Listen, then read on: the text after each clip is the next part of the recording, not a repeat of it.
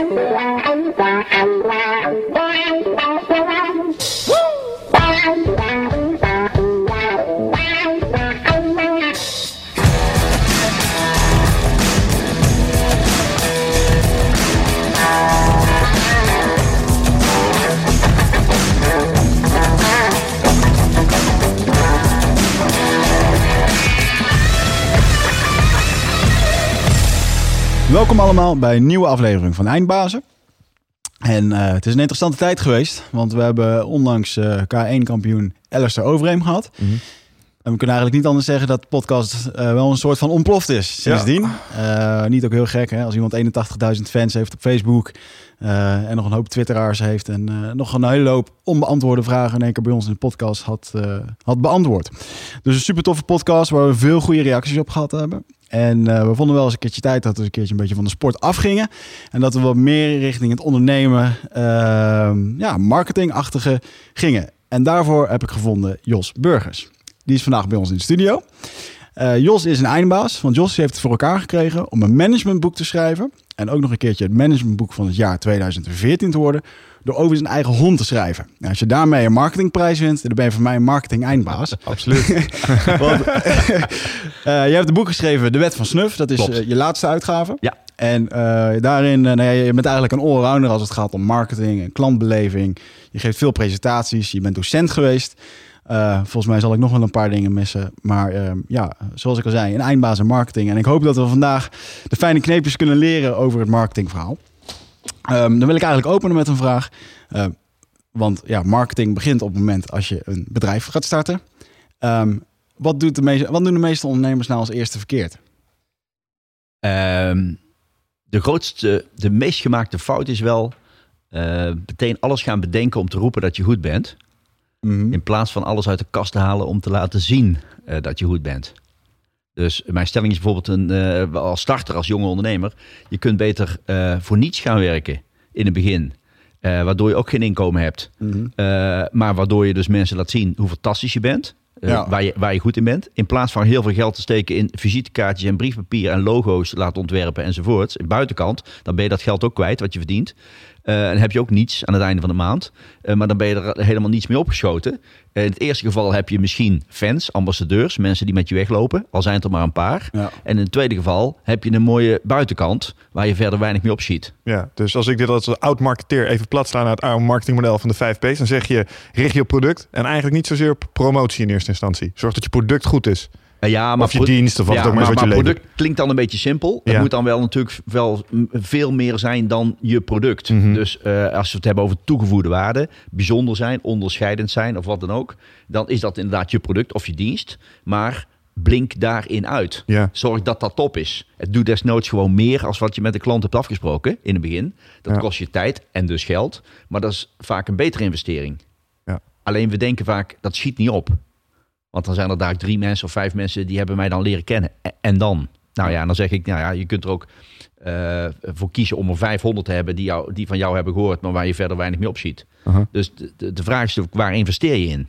Ja. Dus je moet eigenlijk gewoon gelijk overpresteren op het moment als je je eerste opdracht binnenkrijgt. Ja. Ja, Ja, mensen zeker. eigenlijk verbazen met overprestatie. Ja, verbazen met ja, de, de verwachtingen overtreffen. Hmm. En dat begint met A, niet te veel beloven. Dat is de makkelijkste. ja, het is wel waar. Nee, daar gaat het vaak dus al fout, omdat die eerste investeringen, die zijn vaak in geweldige brochures, een fantastische website enzovoort. Nou, dan worden de beloften enorm hoog opgevoerd. En dan is het een enorme uitdaging om dat ook nog eens een keertje waar te maken. Mhm. Eh, en dan, dan is dus mijn stelling, eh, begin gewoon. Ja. Ja. Ik denk dat gewoon sowieso gewoon doen, überhaupt al een dingetje is waar heel veel... Ja, dat je tegen een nieuwe klant ook zegt, ja, ik heb, sorry, ik heb nog geen website. Oh nee, heb ik nog geen tijd voor gehad. Nee, ook, ook nog geen brochures heb ik ook niet. Nee, ook geen visitekaartje, ook nog geen logo. Mhm. Maar ik denk, ik geloof heel erg in datgene wat ik goed kan. Ja. En dat wil ik hier graag laten zien. Ja. En eh, dit is wat het kost. Maar als je het niks vindt, krijg je ook geen factuur. Ja. Dat die klant denkt, wauw, nou, die, eh, die steekt zijn nek uit. Ja. Dat, eh, laat maar komen. En dan is de kans groot dat de klant zegt, nou ja, je mag voor mij gerust een factuur sturen. Dan zeg je, nou, dan doe ik dat toch. Ja. Maar het gaat erom dat je dat lef toont om, om te zeggen, ik heb wat te melden. Ja. Maar dan denk ik dat het nu, de luisteraars, dat er eh, oh, dat er een hele, hoop, een hele hoop nu denken, een groot percentage zal denken van ja, als je dat zegt van doet het gratis, dan gaan er ook misbruik van maken. Is dat, Ja. denk je dat het in de realiteit ook zo is? Nee, dat is angst. Eh, Ja, we laten ons vaak heel veel leiden door angst. Mhm. Van ja, dan zal er, zullen er wel heel veel mensen zijn die en zo. Er zijn er niet heel veel. Er is er wel misschien een enkeling die er gebruik van maakt. Nou, Ja. dat heb je vrij snel in de gaten. En dan maak je dan een eind aan. Hoe verhoudt zich dit? Dat is Aan die, aan die persoon? Of? Nee, nee. aan die relatie. Oh, oké. Ja, ja, ja. Wat ik me dan afvraag even, hè, eh, want een van de interessantste dingen die ik... eh, ik heb natuurlijk even wat huiswerk gedaan. Een van de dingen die ik je heb zien zeggen is... eh, joh, korting geven is over het algemeen een slecht idee. Eh, je had daar een leuke catchphrase voor. Hoe verhoudt een dergelijke constructie zich in jouw beleving dan... tot eh, het wel of niet geven van korting? En want een van de dingen die jij zegt over korting... op het moment dat je korting gaat geven, zeg je eigenlijk... ja, ik probeerde je te bedonderen. eh, totdat je er zojuist achter kwam en nu doe ik het niet meer. Ja. Dat is eigenlijk wat je Ja. daarvan zei. Vond ik Ja. erg sterk trouwens. Ehm, maar op het moment dat jij zegt, ehm, joh, hier heb je mijn dienst en als je niks vindt, hoef je er niet voor te betalen. Zeg je dan eigenlijk niet iets soortgelijks? Hoe, hoe voel je Nou, dat? kijk, ehm, kijk, Michel, marketing draait altijd om de vraag van eh, wat doet het met de ander? Hoe komt Mhm. het over op de ander? En op het moment dat je zegt, eh, ik ben jong, ik start, ik heb een bedrijf, ik heb iets opgericht en ik verkoop dat met korting, dan zeg je eigenlijk tegen die ander, dan komt het op die ander zo over, van ja, we hebben een beetje moeite om van onze producten, onze diensten af te komen, dus daar hebben we iets op bedacht. En dan Mhm. namelijk, we vragen nu gewoon niet te veel. En dan, dan gaat dat misschien lukken. Nou, dat is niet een geweldig sterke binnenkomer Ja, überhaupt weten dienstverleners dat op het moment dat je natuurlijk heel veel tijd hebt, dan gaat de ander al aan je twijfelen aan de kwaliteit van je diensten. Ja. Dus op het moment dat je met korting werkt, is dat. Maar op het moment dat je zegt: eh, dit is mijn tarief, ik kom het een en het ander doen, een project doen, en eh, als het niet bevalt, krijg je geen factuur. Ja, dan zeg je dus eigenlijk: eh, ik geloof zo in mezelf, ik durf zelf dat risico wel te nemen. Maar dat is iets anders als je zelf voor weinig geld verkopen. ja, dus dat is eigenlijk gewoon een geloof in je eigen product tentoonspreiden. Ja, in de hoop dat de klant zegt, ja, ik vind het wel een fors tarief, maar ja, als je het waar kunt maken, heb ik het er graag voor over. Ja. Maar dan is dat een ander gevoel bij die ander dan dat je het met korting doet. Ja. Het lijkt gra- gratis, lijkt dan natuurlijk van, ja, het is weinig waard. Mhm. Maar ik bedoel ook niet letterlijk gratis, maar soms kan het ook zijn dat je zegt, eh, mag, mag ik een voorbeeld geven? Toen Ja, ik heel lang geleden met een adviesbureau begon, toen wilde ik graag met klanttevredenheidsonderzoeken en advies aan de slag. Nou, toen heb ik een keer een hele grote meubelketen uitgezocht en gezegd van, mag ik hier eh, klanttevredenheidsonderzoeken komen doen? En als jullie ja zeggen, ik hoef er niet iets voor te hebben, maar ik zou het alleen fijn vinden als jullie er enthousiast over zijn, over datgene wat ik hier doe, dat ik je mag gebruiken als ambassadeur in mijn brochures, op mijn site, nou, noem maar op. En dan heb ik een opstapje om te beginnen. Maar dan is dat de investering van mijn kant. Ja. Ja. En dan is dat voor mij dus niet iets gratis doen. Dat, is, dat is wel een, eh, een goeie. Ik zit er zelf over te denken. Ik heb zelf ook een social media marketing eh, bedrijf. Ja? We maken ook software. Ehm, en er zijn ook heel veel social media is een ding. Dat komt bij heel veel bedrijven nu op de vijfde plek. Weet je wel? Iedereen vindt het belangrijk, maar om geld aan uit te geven, want het levert niks op. Dat is dan de stelling. Terwijl er zijn heel veel dingen waardoor je kan zorgen dat het geld oplevert. Alleen nu vind ik het ook moeilijk om aan tafel te komen. Maar ik schrijf bijvoorbeeld ook voor marketingfacts.nl. Daar ben ik blogger. eh, blogger. Oh, oké. Dus nu zat ik denken van ja, het is helemaal geen slecht idee om gewoon tegen zo'n social media manager te zeggen van luister, eh, kan ik gewoon eens een keertje een interview met jou doen? Mhm. Dan schrijf ik een blog voor je op uh, marketing facts. Maar dan kom ik daar wel aan tafel, Ja. weet je wel? En dan is dat een soort van eerste ding. Stiekem je voet tussen de deur. Nou, het eerste contact is toch belangrijk. Hè? En eh, in dat opzicht hadden we het er straks natuurlijk ook over. Dat, ehm, dat gevoel waar jij het over hebt is heel belangrijk. Met name in het stukje van eh, commercie, closing the deal. Ehm, ik heb namelijk, eh, ik heb ook commercie gedaan. bijvoorbeeld in de medische diagnostiek met name, in het zorgsector. Ehm, best leuke contracten mogen uitonderhandelen. En wat dan op een gegeven moment grappig is, is dat je toch ziet dat op een gegeven moment de meest makkelijk meetbare rationele afweging voor het wel of niet accorderen van offerte, de kosten en een stukje service dat je kan afgeven in je SLA's en dat soort dingen, dat dat uiteindelijk niet de doorslaggevende factoren zijn, maar de relatie en de verstandshouding hebben met degene aan de andere kant van tafel. Het gevoel dat hij je weet te geven op de vragen die jij hebt in dat opzicht. En dat vind ik zo interessant aan nou ja, niet alleen consumenten, maar ook gewoon hè, normale commerciële psychologie. Maar dat maakt het ook eh, eh, lastig eh, als het gaat om het vertrouwen winnen van de ander. Mhm. En die gunfactor. En wat maakt dat die ander ja zegt tegen jou? Ja. Hè, ik, ik zeg wel eens, als je oprecht geïnteresseerd bent in die klant, dan heb je ook het lef om eh, die klant aan te raden om niet met jou in zee te gaan. Ja. Of je uit je twijfels, als die klant iets wil, waarbij je denkt, "Mm, ik weet niet of dat helemaal bij mij past. Mhm. Maar dan krijg je een vertrouwen. Dat is ongelooflijk. En vanaf dat moment gelooft die klant alles ook wat je zegt. Ja. Ja. Ja, dat is heel grappig, want dat is een valkuil die zie je met name bij eh, uitvoer nog wel eens eh, misgaan. Op het moment dat er dan eh, issues zijn in projecten of iets dergelijks, dan wordt dat altijd een beetje onder stoelen en bank gestoken. Daar praten we niet graag over met elkaar. Terwijl mijn ervaring is, als je er juist transparant over bent en je deelt de shit in principe, dan krijg je automatisch vertrouwen, want je bent er open over. En hey, dus blijkbaar ben je oplossingsgericht ben je hierin bezig. En ik denk dat het bij sales net zo is. Ja. Hoewel het moeilijke bij sales is natuurlijk, en dat zit hem ook een beetje in het profiel vaak van de mannen die dat soort activiteiten doen, zijn een soort van jagers. Dus die willen die deal graag sluiten. Ja. En dan is het moeilijk om de nadelen te benadrukken, terwijl Klopt. dat eigenlijk hartstikke sterk is, Ja, daar wat word je zegt. word je heel sterk van. Mijn, Ja. mijn, mijn eh, collega en vriend eh, Jan van Zetten, die heeft er altijd een schitterend voorbeeld van. Die, eh, die heeft weer een vriend en die zit in de ICT. Hmm. En als die bij een opdrachtgever aan tafel zit en die, die klant vraagt... waarom zou ik met jullie eh, in zee moeten, waarom zou ik voor jullie moeten kiezen? Dan zegt die ICT-man altijd, nou, bij ons krijg je altijd gegarandeerd shit... als wij een project Ja. komen Ja. implementeren. en dan zegt hij altijd, oh, oh, oh. En dan zegt hij, ja, dat is bij al onze concurrenten ook zo, alleen die zeggen het niet. Ja, En, en wij zijn ons ervan bewust.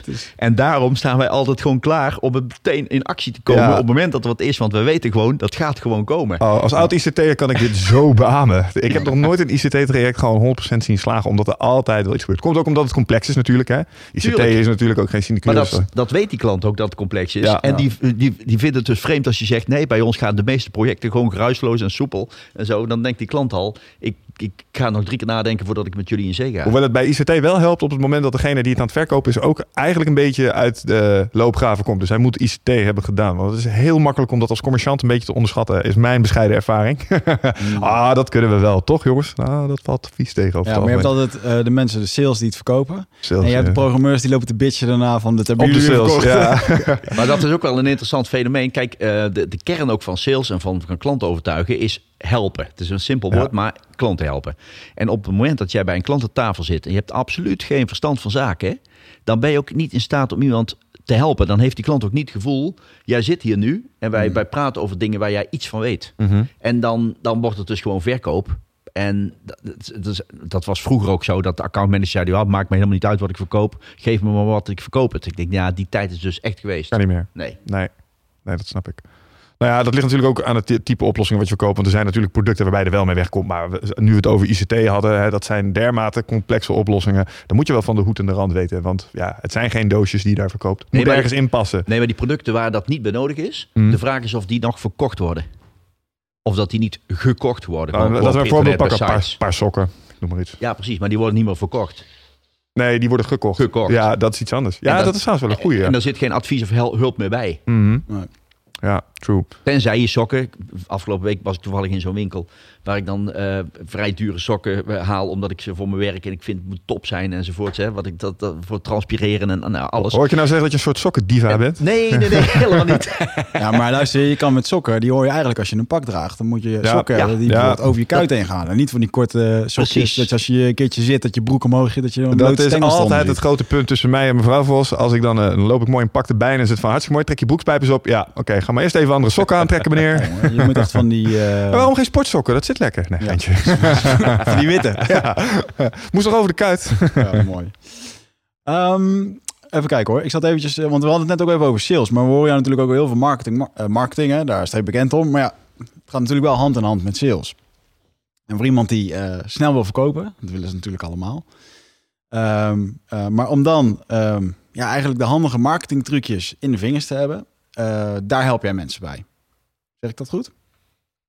Mm, ja, hoewel ik ook vaak zeg, er zijn geen snelle tips en trucs. Nou, dat weet ik niet of ik dat met je eens ben. Want wij hadden daar straks in de auto even een momentje. En Ja. die had ik van jou gehad. En dat is het verhaal. En ik zou je willen uitnodigen om misschien dat verhaal even te vertellen. Maar over de boren en de gaten. Oh ja, de boren. Want eh, dat was voor ons allebei een eye-opener. was iets van ja, ja. Eh, Want dat verhaal dat eh, als je bordjes koopt, denk je dat mensen blij worden van bordjes. Klopt. Eh, Dat. Ja, zou je dat eens kunnen Ja, vertellen? het is een, een, een, eeuwen, het is een hele oude metafoor, maar ik gebruik hem al een jaar of 30, 35. En dus op enig moment heb ik ook maar besloten daar een boek aan te wijden en zo. Dat, dat boek heet dan nu Gek op Gaten. Ja. Maar het is de simpele metafoor dat als je iets verkoopt, eh, boren, eh metaalboren, houtboren, diamantboren, ga je al Mhm. snel denken dat klanten daar blij van worden, want daar bellen ze de hele dag voor, Ja. voor boren. Ja. En dan vergeet je dat ze graag een gat hebben. En degene die als eerste gaat nadenken over de vraag: hey, zouden we niet eens gewoon stoppen met boren leveren en zouden we niet gaten gaan maken bij klanten? Misschien is daar gewoon eh, eh, meer mee te verdienen. Dat, dat is een stukje toegevoegde waarde. Diegene, die Mhm. is uiteindelijk winnaar. En als het gaat dus om de boren, dat zijn dan de producten die, je- die je levert. Mhm. En de gaten, dat zijn de problemen, de oplossingen die de klant zoekt. Datgene waar die gelukkig van wordt. Ja, want dat was wat voor mij eh, de ogen even open. Ik van ja, inderdaad. Het is niet zozeer. Ze zijn niet uit op het bordje. Ze proberen een gat in de muur te krijgen. En daar willen ze iets mee doen. Want daar zit de waarde voor. ze. Of ze willen een schilderij ophangen. Of er moet iets vast worden gemaakt. Het zit Ja. hem niet in dat stukje metaal. Maar het is wel Ik- heel verleidelijk om te denken dat als jij een dienst aan het leveren Ja. bent. Ik gaf bijvoorbeeld een paar weken terug een, eh, een presentatie voor een bedrijf in de grafische industrie. Wat opende, nieuw gebouw neergezet. Nou, grafische sector, die heeft hartstikke moeilijk. Mm. Maar het bedrijf eh, doet bijna uitsluitend printing on demand. En die zeggen dus als er een groot opleidingsinstituut is, die zitten helemaal niet om drukwerk verlegen. Nee, Mhm. die willen gewoon dat elke cursist op tijd eh, de map krijgt met eh, materiaal, met studiemateriaal enzovoort. Mhm. En, en dat bedrijf dat neemt dat dus helemaal uit handen. Dus dat, dat, dat de LOE's en de NCOE's en noem maar op van deze wereld... Mhm. hebben dus gewoon geen enkele voorraad meer van studiemateriaal of wat dan ook. Dat neemt hij allemaal uit handen. Ja. En dan denk ik, wauw, hij lost hun probleem op. Ja, dat is ontzorgen. Precies. En dan mag dan best ook een prijskaartje aan hangen. Want dat bespaart die klant weer zoveel geld. Mhm. En soms zie ik dus eh, websites van mensen, ook jonge mensen, starters, eh, brochures, eh, verhalen. En die hebben een hoog borengehalte. Dus ik ben coach en ik kan me geweldig goed verplaatsen in mensen en ik kan meedenken en- enzovoorts. Maar ze, er wordt geen gat genoemd. En, en bij gaten gaat het om de vraag, wat brengt het die klant? Waar wordt die klant gelukkig van? Misschien mag ik een simpel praktijkvoorbeeldje Mhm. geven wat ik pas aan de hand had. Er was een dame die mij benaderde. En Ze was coach en eh, ze vroeg me, ja, hoe moet ik me nou profileren? En toen zei ik, nou, op de eerste plaats vertel eens gewoon wat over jezelf. Waar, waar, waar ben je bijzonder in? Waar ben je uniek in? Waar ben je onderscheidend in? En toen zei ze, nou, ik ben niet zo van de lange coachtrajecten. Ik zeg, nou, da- daar is volgens mij veel vraag naar, hè? dus dat, dat is al perfect. Quick fixes, ja. Precies. En ik zeg, wat houdt het dan in? Zei ze, nou, meestal twee, drie of vier gesprekken. Dan is het bij mij klaar. En toen zei ik, nou, dan ben, zijn we er gewoon uit. Dan presenteer jij je voortaan als de coach die altijd coacht in drie gesprekken. En toen zei ze, geen twee. Ik zeg, nee, geen twee. En, en ook, geen, nee, ook geen vier.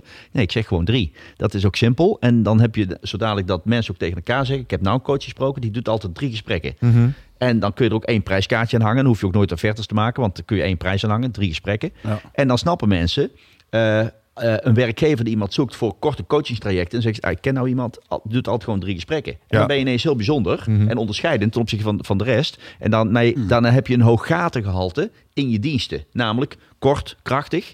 En toen zei ze tegen mij, ja, maar als een klant het nou zo geweldig vindt dat hij dan meer wil. Zeg, dan doe je er weer drie. Ja. Nou, en desnoods nog drie. Maar dan wordt je concept helder. Mm. Mensen snappen. En dan heeft dat een hoog gatengehalte. Mhm. Dus die, die boren en die gaten, dat is wel een... Ja, Is het daarbij niet heel verleidelijk om... ehm, want eh, ik herken wel een beetje wat je zegt. Ik doe zelf ook wat coachingstrajecten. En dan ga je, eh probeer je marketingmateriaal op orde te krijgen. Nou, dat is sowieso altijd zo'n klusje dat onder op de stapel ligt. En dan ga je ermee bezig en denk je, wat ga ik nou eens godsnaam vertellen? Dus dan ga je maar iets over jezelf neerzetten. En eigenlijk, wat je zegt, dus als je je verplaatst in de ander... degene die dus enthousiast van je zou moeten worden... zou het eigenlijk aan zijn reet roesten. Het gaat hem erom wat hij precies. er uithaalt in Ja. principe in dat Ja. opzicht. Maar de valkuil die daar weer achter zit, denk ik, is dat je dan de neiging zult hebben om veel te veel van die gaten te gaan opnoemen. Waar Ja. je potentieel een. Ja, je moet ook geen 10 of 15 gaten. Nee, daar zal wel een optimum in zitten. Want dan word je ook weer ongeloofwaardig. Ja. Eh, eh, uit allerlei onderzoek blijkt ook op het moment dat jij eh, zegt dat je overal goed in bent. Uh-huh. Dus je bent interim manager, je bent de coach, trainer, spreker, adviseur. Mhm. Dan denken mensen, ik kan me toch niet voorstellen. Zulke mensen ben ik nog nooit in de wereld tegengekomen, zeg. Die daar overal goed in zijn. Mhm. En op het moment dat je zegt, ik ben slecht in coaching en in dat en dat en dat. Maar waar ik fantastisch in ben, is training op dat vlak. Dan word je plotseling geloofwaardiger. Mhm. Omdat je eh, een aantal dingen ook aangeeft niet te zijn. Ja. En veel mensen willen allround zijn, Ja. omdat ze dan denken, dan heb je meer kans. Ik vergelijk het wel eens met het voetballen. Als je voetballer bent en je bent allround, Mhm. is eigenlijk het meest beroerde wat je kan overkomen. Word je keeper. Ja. dat is ook een bekend eh, fenomeen, ja, ja. Maar als de keeper fit is, Mm. dan is meestal die keeper beter dan die allround speler. Ja. En als alle spelers fit zijn, zit jij op de bank, want jij bent allround. Ja. En iedereen die ergens goed in is, staat op een plek en jij zit op de bank. Dus eigenlijk zeggen, specialisme is eh, erg belangrijk als onderscheidend Ja, specialisme, maar dat klinkt al te vaak van dat je eng op iets goed bent. Maar het kan natuurlijk ook zijn dat je een manier van werken hebt. Maar is het zo? Is, is een specialist niet eigenlijk gewoon iemand die alle fouten op een klein stukje al eens een keer gemaakt heeft? Misschien wel. En Denk daardoor ergens beter in is geworden. Ja. ja. Maar die specialist Ja. kan toch ook een hele goede eh, spreker, coach en eh, wat nog meer zijn. Die kan meerdere dingen hebben. Nou, ik, maar als ik je een voorbeeld mag geven. Mhm. Ik word soms uitgenodigd als dagvoorzitter. Ja. Nou, weiger ik altijd. Want een dagvoorzitter moet kunnen luisteren. Mhm. Nou, dat kan ik al slecht. Dat kun je mijn vrouw vragen. en en eh, want ik kan spreken. Ja. En ik spreek graag omdat ik slecht kan luisteren. Ik heb ook liefst met een zaal weinig interactie. Zeg Ja, maar. Dus mensen, organisaties vragen altijd, kun je ook een stukje interactie? Nee, ik zeg, nou, liever niet. Luisteren, kringen. Ja. Praat ik gewoon. Ja, nou, dat is heel eerlijk. Ik vind het echt goud dit. en mensen snappen dat. Ja. Dan denk ik, oh, wel helder. Het is verbazingwekkend wat mensen van je pikken als je er maar gewoon eerlijk over bent. Ja, klopt. En dan zeg je, oh, dat snap ik dan. En dan eh, zeg ik, nee, maar ik ken wel een paar hele goede dagvoorzitters. Hè. Bijvoorbeeld Ben Tegelaar, dat is een geweldige dagvoorzitter. Ik zeg, nou, die moet je, kun je bellen. Of Weet eh, je, andere. koffie niet. Nee, ja. En, ehm Hij vindt hem niet lekker. jawel, ik praat altijd zoveel. dat een koffie. Ja, maar dat, mijn thee is ook koud geworden inmiddels namelijk. Ja. En, ehm, maar dat is de reden dat, eh, dat ik dus dat bijvoorbeeld niet doe. En trainen ben ik bijvoorbeeld ook niet goed in. Mm. Want dat moet met kleine groepjes. Mhm. En dan moet je ook veel interactie doen. Mhm. Ja, ik vond het van de week lekker. Toen zat ik bij een, eh, een klant voor een wat groter traject. En ehm, toen zat er weer een, eh, een rapport aan te komen. En ik heb een keer een filmpje van gekeken waarin je zei van... ik schrijf alleen maar rapporten zonder advies. Of sorry, een advies zonder rapport. Dat is het. Anders wordt het heel erg kaal. En dan even qua definitie, wat verstaan we dan onder het rapportgedeelte? Ja, dat je inderdaad dus een heel... dat je eigenlijk zo'n boardroom report van Oh, 60 je onderbouwing, pagina's... eh begroting, onderbouwing, ja, waar ja, eigenlijk ja. helemaal niemand op zit te wachten... wordt in de kast gedonderd en eh, ja, we zijn weer een paar duizend euro lichter. Ja. En eh, toen zei ik dat ook gewoon aan tafel. En ze ja, we moeten gewoon lekker aan de slag en praktisch. Ja, klopt. Nou, weet je wat? Ik hou gewoon van een rapport of van een advies zonder rapport. En ze nou, perfect. Dat vinden wij ook. En toen dacht ik, oh, nou, het wordt Fijn. steeds makkelijker. Je hebt, je hebt zojuist de helft van mijn werk uit handen genomen, weet je wel. Maar het is ook wel zo. Want dan kun je dus ook... eh, ik, eh, ik heb een creatieve geest en dan heb ik ideeën en dat kan ik dan ratelen. Maar om dat even samen te vatten op eh 60 pagina's... Ja, ik weet dat het erbij hoort, maar doe het liever niet, weet je wel. Dus ik vond het wel een... ja, ik vind, Maar, er, maar er zijn ook adviseurs die daar juist goed in zijn. Ja. Om dat geweldig op papier te zetten. En die hebben eigenlijk een hekel aan dat hele stuk van echte advisering. ja, En die houden juist van dat, zo- zo'n rapport maken. Mhm. Ja. Nou, en soms, er zijn ook organisaties, met alle respect hoor, maar die willen eigenlijk alleen maar een rapport. de grotere... grotere Ik heb ooit voor een grote sportbond heb ik het een en het ander gedaan, advies. Ging over de relaties met verenigingen. Ja, en ik kwam er gewoon achter dat ze helemaal niks wilden verbeteren. Nee. Dat gaven ze wel aan. Ze willen het een en ander verbeteren. Nou, dat wilden ze helemaal niet. Ze wilden alleen maar een fantastisch mooi rapport.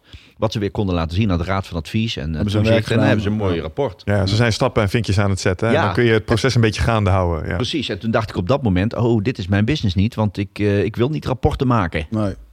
Nee, bovendien Nee. is dat trekken aan een dood paard. Klopt. En dat motiveert niet. Nee, maar er zijn mensen die genieten daarvan, van zo'n rapport maken. Ja. Ook al weten ze dat er niks mee gebeurt. Die zitten daar niet mee. Nou ja, Nee. dat is ook een vak. Nee, die zitten gewoon op het, het potje op te maken. Wat eh, Klopt. voor marketing eh, bestemd is. ik kan me Eh, niet voorstellen dat dat een goed gevoel geeft aan het eind van de dag voor jezelf. Dat je daar een voldoening uit haalt. Als je weet dat je aan het maken bent Nou. waar niemand ooit nog wat mee gaat doen. Nou, maar Michel, ik heb lang geleden iemand gekend en die tekende bruggen voor Rijkswaterstaat. Hè? Hm. En die was meestal, Ja. en die was soms drie jaar aan het tekenen. En dan kreeg je te horen, ja, dat is geen budget, gaat toch niet door die brug. Nou, en dan gooiden ze alles weg. Oké, ja. En dacht, ik, ja, dit houdt er niet vol. Maar Nee. die vond dat geweldig, want Nee. daar bezig zijn met gewoon iets moois maken. En dat Ja. kan ook een rapport zijn. Iemand vindt het Ja, mooi een rapport te maken. En, wat, en dat er dan niks mee gebeurt, maakt je niet uit. Nee, Hm. ja. Dat is, ja, Hm, dat is ik veroordeel dat ook niet. Maar het is niet alleen, het is, ja, het is mijn tak van sport niet. Hoe ben jij eigenlijk gekomen tot, eh, tot jouw tak van sport? Hoe ben jij als eh, jonge jongen in het marketingvak eh, gekomen? Wil je dit altijd al doen? nee, ja, ik wist vroeger niet eens dat sprekers dat dat een vak was, zal, zal ik maar zeggen. Dat, eh, hoewel ik wel heel lang geleden ooit Robert Benninga een keer zag optreden. Is het, is het weer heel erg dat ik niet weet wie dat is? Ja, dat is ook voor mijn tijd, denk ik. Ja, dus, is, Wie is dat?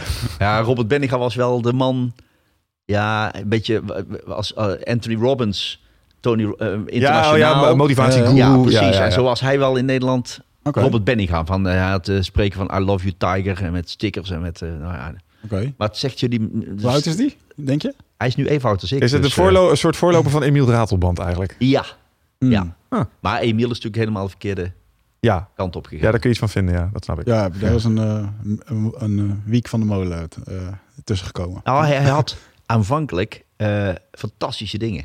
Emiel? Ja. Oké. Ja, ik, als ik hem op tv zie, vind ik het altijd... Eh, Nee, hij profileert zich op alle manieren. Maar hij heeft toen aan... eh, eh, wat was het ook weer? Sterrenboksen volgens mij.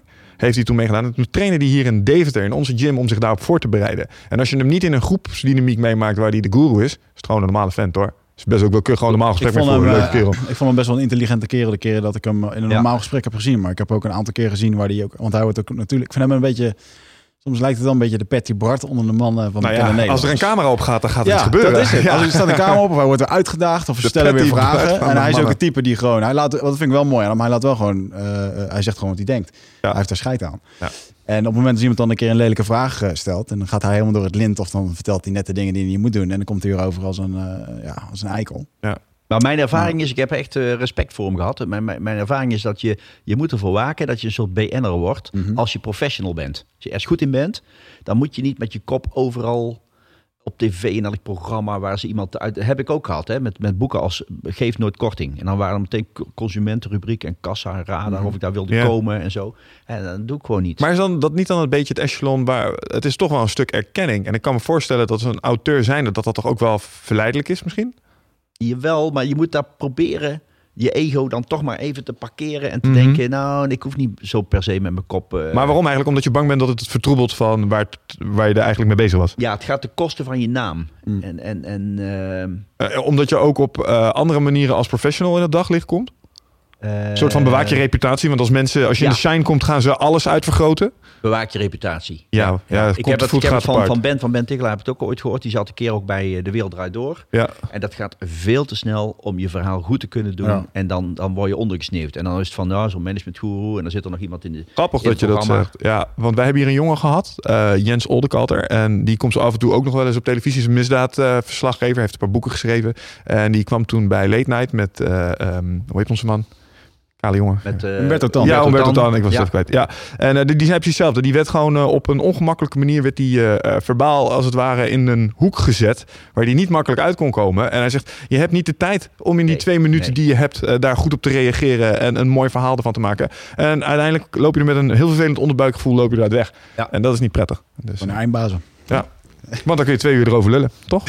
Twee euro kletsen inderdaad. Nee, maar dat is wel even, eh, ja. Maar het zijsprongetje, we kwamen podium, hier vanuit, eh, ja, vanuit eh, Emiel, eh, vanuit die eh, voorloper van Maar ik Emiel. herinner me dat toen Emiel Raadbrand nog helemaal niet bekend was, had hij dus heel veel werk van Amerikanen. Had hij zich eigen gemaakt. Had hij, ik herinner me dat ik met Julia, mijn vrouw, we waren een keer een turfschip in Breda. En daar hadden we een programma dat begon smiddags om, nou, ik zal maar zeggen, twee uur. Dat zou s'nachts s'nachts om twaalf uur aflopen, eindigen. Eh, dat wij al dachten, "Pff, nou, dat wordt een hele dag. Maar goed, we gaan erheen, we Ja. gaan zien. Nou, en eh, hij waarschuwde dan, toen al van 12 uur zal ik wel niet redden, want ik heb altijd iets meer tijd nodig. Dus wij dachten al, nou, Oh, en, dat god. was op, en dat was op een vrijdag. En dan hadden we, we werkten allebei hard en veel, dus we hadden het al eens een beetje gehad op vrijdag. Dus wij gingen daar op die middags om twee uur naartoe. Nou, en ik denk dat wij s'nachts om twee uur, half drie, zo ongeveer naar huis zijn gegaan. Nog, nou, nog nooit zo fit geweest als die nacht. We hebben thuis nog een fles wijn opengetrokken om drie uur, geloof ik. Dat is een goede nacht. En, ja, dat we zeiden, laten we nog maar een flesje wijn open trekken, Ja. want het is toch vroeg. En, ehm, en toen dacht ik, wauw, dat is knap. En toen zaten denk ik 450, 400, 450 mensen in de zaal in, Mhm. in Breda. En toen dacht ik, wauw, dat is toch wel knap als je dat voor elkaar krijgt. En ook nog goede boodschappen meegeeft, waar mensen Ja. iets aan hadden.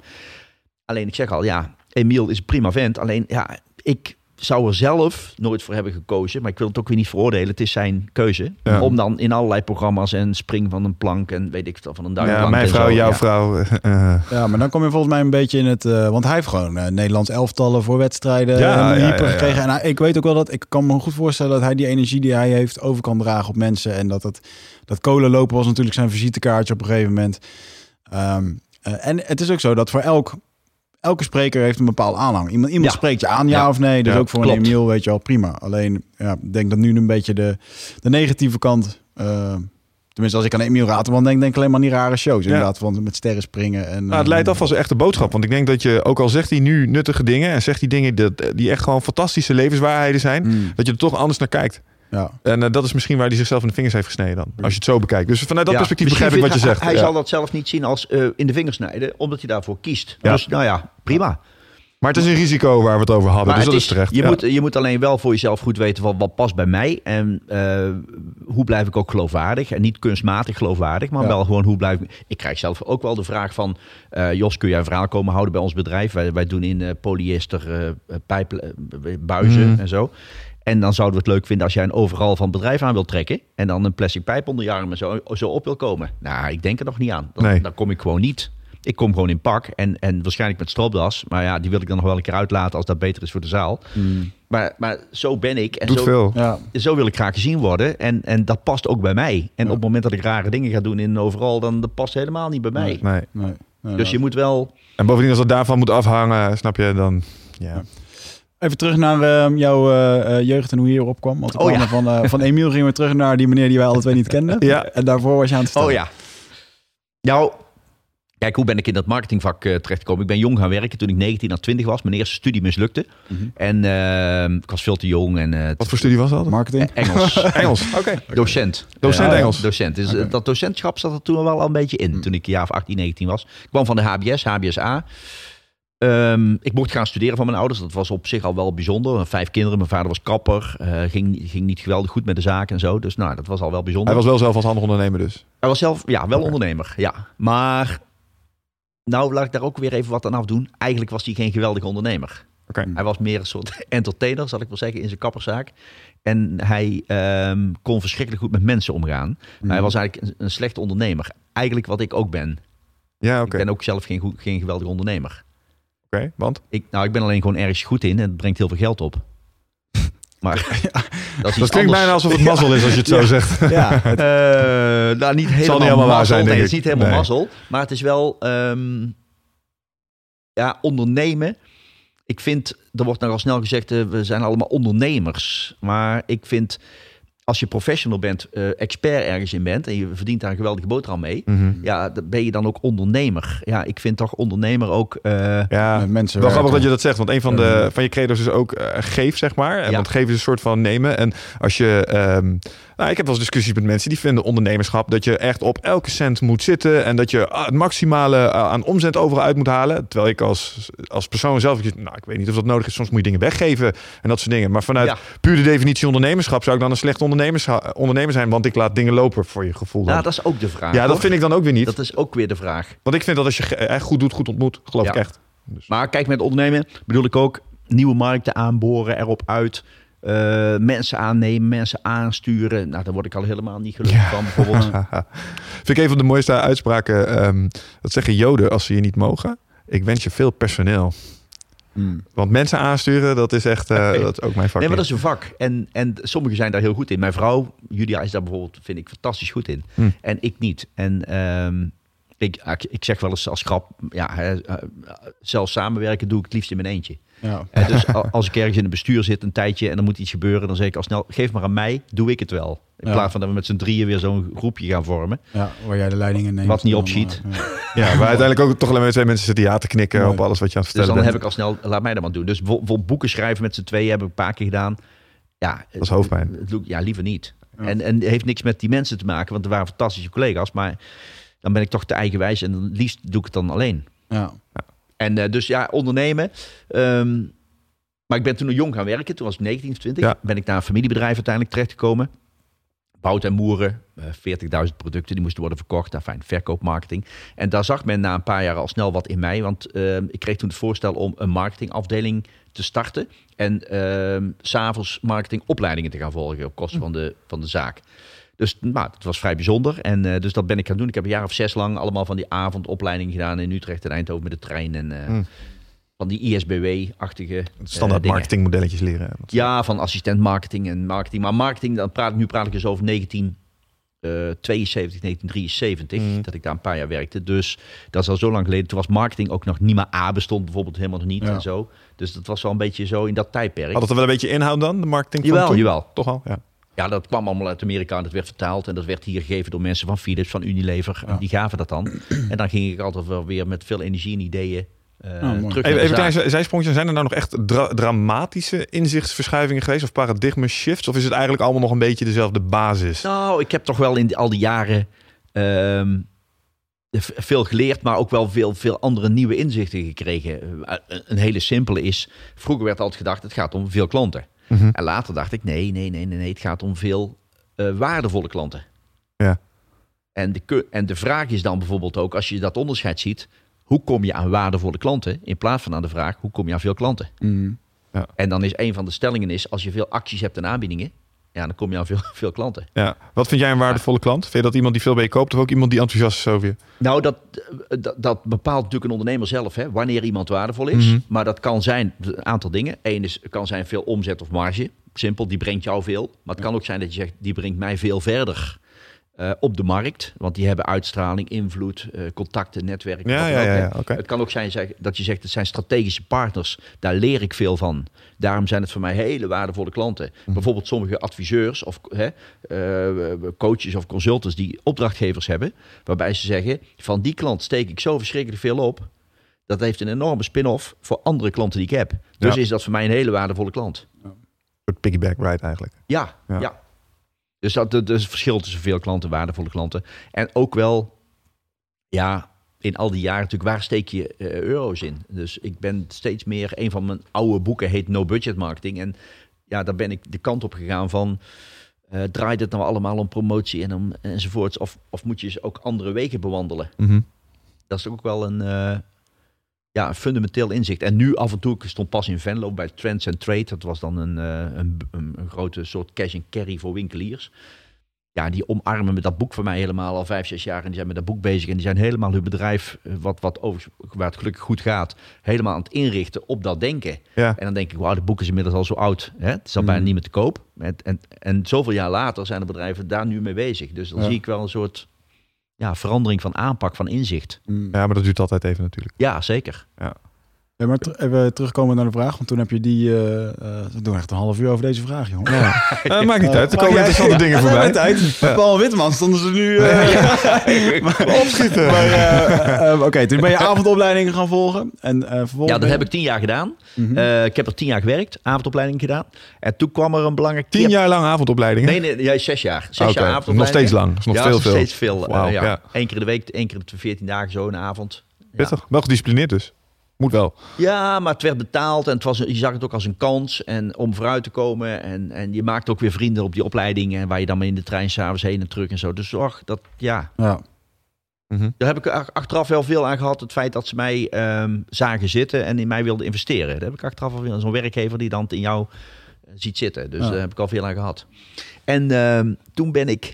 eh, ja, toen was er een, een, een speciale periode in ons huwelijk. Wij, eh, Julia en ik, wij eh, wilden graag kinderen. Die kwamen niet. Eh, tijdje bezig geweest met nou ja, ziekenhuizen. Met, IVF-achtige dingen. IVF-achtige Ja. dingen. Adopteren, tijdje bezig geweest. En toen besloten we, we waren toen begin 30 allebei. Toen besloten we, nou, we zitten relatief goedkoop te wonen. We hebben allebei al aardig wat verdiend in al die jaren. We hebben nog steeds een leuke baan. Als we nou eens allebei opnieuw gaan studeren. Want zij wilde eigenlijk ook graag een studie oppakken, ik ook. Dat was mislukt toen we 19 waren. Dus zijn we allebei weer gaan studeren toen we 30 waren. Hm. Zij is eh, eerst even medicijnen gaan doen. Dat- Toen vrij snel overgestapt naar rechten. Ik ben economie gaan doen. Nou, dat hebben we allebei afgemaakt in vijf jaar. En, ehm, en ik ben toen overdag weer gaan studeren met werken tussendoor. Nou, en in die vijf jaar heb ik ja, gewoon veel geleerd. Eh, ik, ik, ik heb op een school gestaan, op een HAVO.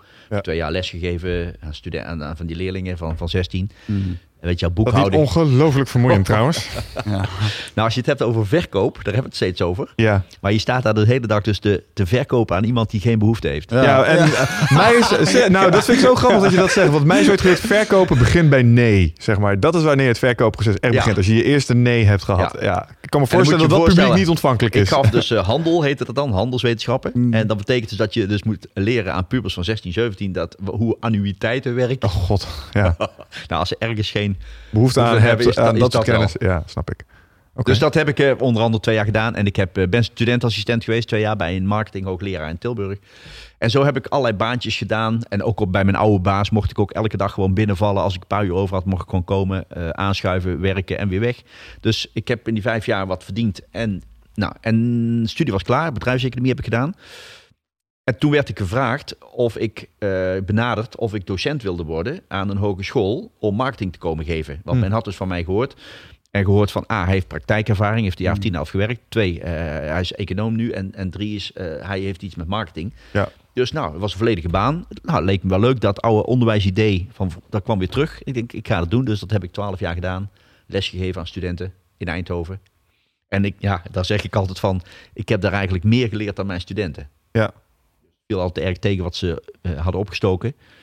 Maar zelf krijg je het steeds beter door als je iets moet uitleggen. Dat zul je als trainer ook wel hebben. Ik zag laatst een mooi schemaatje van eh, de verdeling van kennisretentie. Zeg maar 5% door te luisteren, 10% door te lezen. Ehm, volgens mij als je een ziet is het 15%. Door het andere uit te leggen wordt het al 95%. Als je andere mensen dingen gaat uitleggen, dan eh houdt het voor 95%. En als je mensen 100% iets wil laten onthouden, dan kan dat met pijn, zeg maar. En dat is dan niet wat personal trainers wel weer eh, kennen. Als je een boodschap echt wil laten landen, dan eh zet je een paar fysieke push-ups, fysieke disciplinaire maatregelen. Dicta- dictators hebben er ook wel eh Ja, goede resultaten mee. ja, ja, ja.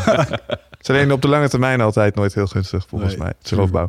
Maar ehm, ja, inderdaad, even terug naar ehm, eh, waar je zat. Want je hebt dus al die marketingopleidingen, heb je toen een, een hele tijd gedaan. Nieuwe opleiding, docent bij de hand. Ehm, daar kwam je met een ander profiel studenten in aanraking, denk ik. Ja, zeker. eh jongelui vanaf 22, 23. Ja. Die nou, ook wel gemotiveerd moesten worden. Dus ik stond toen voor, vaak voor collegezalen. En eh, ja, het was echt niet zo dat die daar gingen zitten van... nou, wauw, wauw, geweldig en zo. Nee, die moet je dan ook boeien, inspireren, prikkelen. Mm. En dat, dat sprekersvak, daar heb ik natuurlijk daar ook wel veel geleerd. Eén, voor wat betreft de inhoud van, mijn- van mijn vak. Maar twee is ook, ehm, omdat je twaalf jaar lang van alles staat uit te leggen. Ik dacht wel eens, als die studenten toch al die boeken lazen zoals ik ze nu lees ter voorbereiding. Nou, Mhm. dan hoefde ik helemaal niet meer te komen. Nee. Konden ze ook gewoon de hele week thuis blijven. Maar ja, Zouden waarschijnlijk in de gaten hebben dat je ook nog wel eens een steekje liet vallen, links en rechts. Misschien. ja dat, verhaal. Ah, heeft nauwelijks in de gaten volgens mij. Ja, als spreker maakt dat niet uit dan. Nee. Luistert. Zelfs als jij op het podium een keer wat stom zegt. Heb ik, ja, nee, maar dat is wel gebeurd dat je achteraf dacht, Ik hoop echt dat niemand in de gaten had dat dat... En dat wist dan vaak ook niet zo. Nee. Dus dat Nee, valt wel weer klopt, mee. Ja. klopt. Maar je werd steeds handiger natuurlijk ook in het sausje dat je er overheen moest. eh. Ja, en ook de manier van aanspreken. Hoe prikkel je zo'n zaal studenten? En, Mhm. ehm, en daar heb ik dus later gewoon veel plezier van gehad. Want nu sta je gewoon ook weer voor een zaal mensen. En die moet je ook boeien en prikkelen. Maar is dat op dezelfde manier als... eh, is een groep studenten prikkelen hetzelfde als een groep professionals prikkelen? Of Nee, zitten daar verschillen in? Professionals is makkelijker. Ja. ja, dat snap ik. Want A, die, hebben al, die zijn al gretiger. Die, die, die willen wat. Die- Snappen die, het Die vaak. komen en die denken, nou, ik ben benieuwd. Ik, ik wil er wat van opsteken. Mhm. Dus ehm, ze zijn al meer hongerig. En, eh, en twee, je hebt vaak aan een half woord genoeg. Dus ik hoef soms maar een half woord en dan ligt de zaal al plat. Omdat ze dan precies begrijpen wat er gebeurt. En, Ja. en, en dat is natuurlijk met studenten, nou ja, eh, is dat toch meer onderwijs dan, Mm. dan dat je Ja, voor ja, ja, je staat. kan bij professionals natuurlijk al uit put uit van die typische dingen die op de werkvloer gebeuren. Ja. Die je echt herkent op het moment dat je als een tijdje op een kantoor hebt gezeten. En als student nog helemaal geen enkele beleving mee gehad hebt. Dus ja, ik snap ja, wat je zegt. klopt. Oké.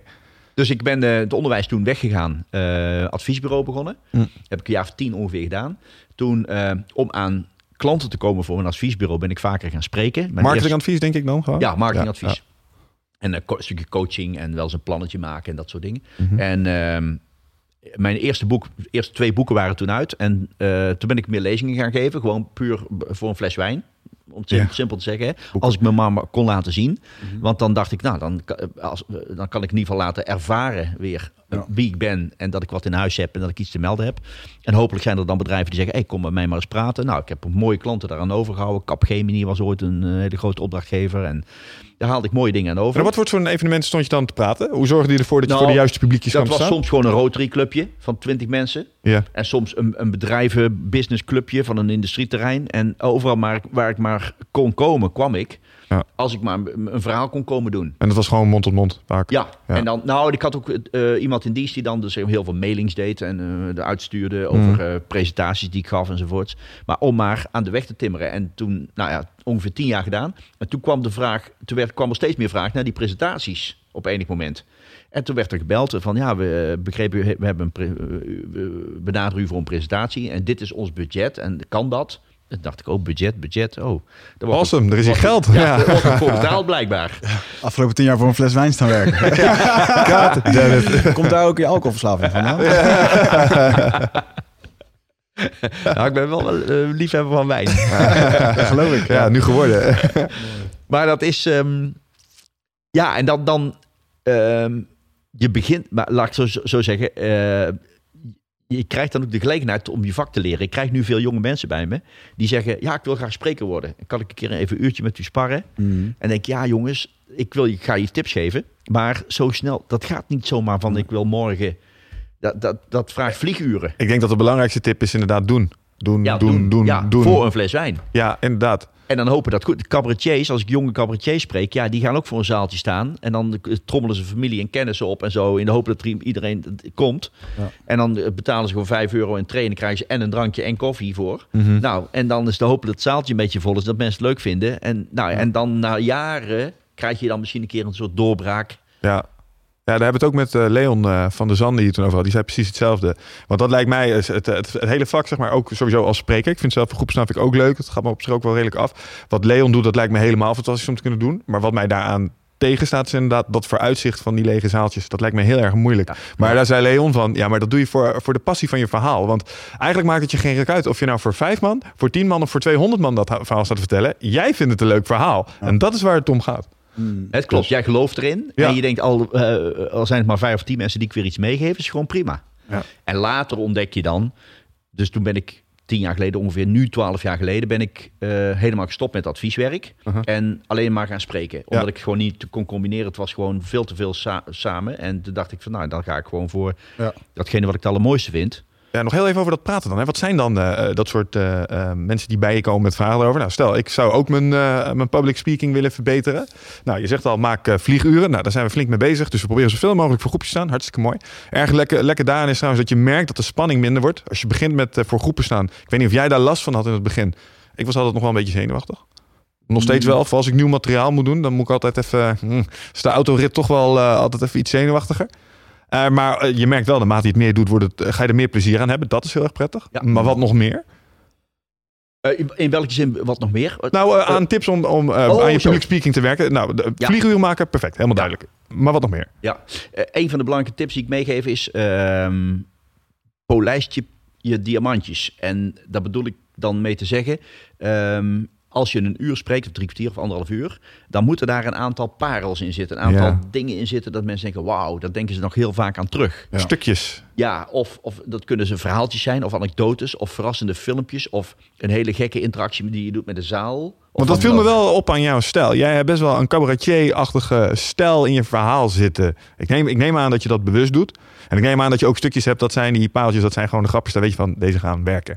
Deze zijn ik- leuk, dat- dat- zeg maar. ja, Daar kijk je ook naar uit als je, als je er eentje aan voelt komen. Waarschijnlijk van, we gaan nu over dat stukje hebben en dat is leuk. Klopt, ja. Ik ben van mezelf eigenlijk niet zo leuk, dus ik, doe het ook wel bewust. Ja. Dat klopt. Ja, hoe, ben je tot dat, eh, hoe ben je tot die grapjes gekomen dan? Heb je die, zijn die gaandeweg ontstaan?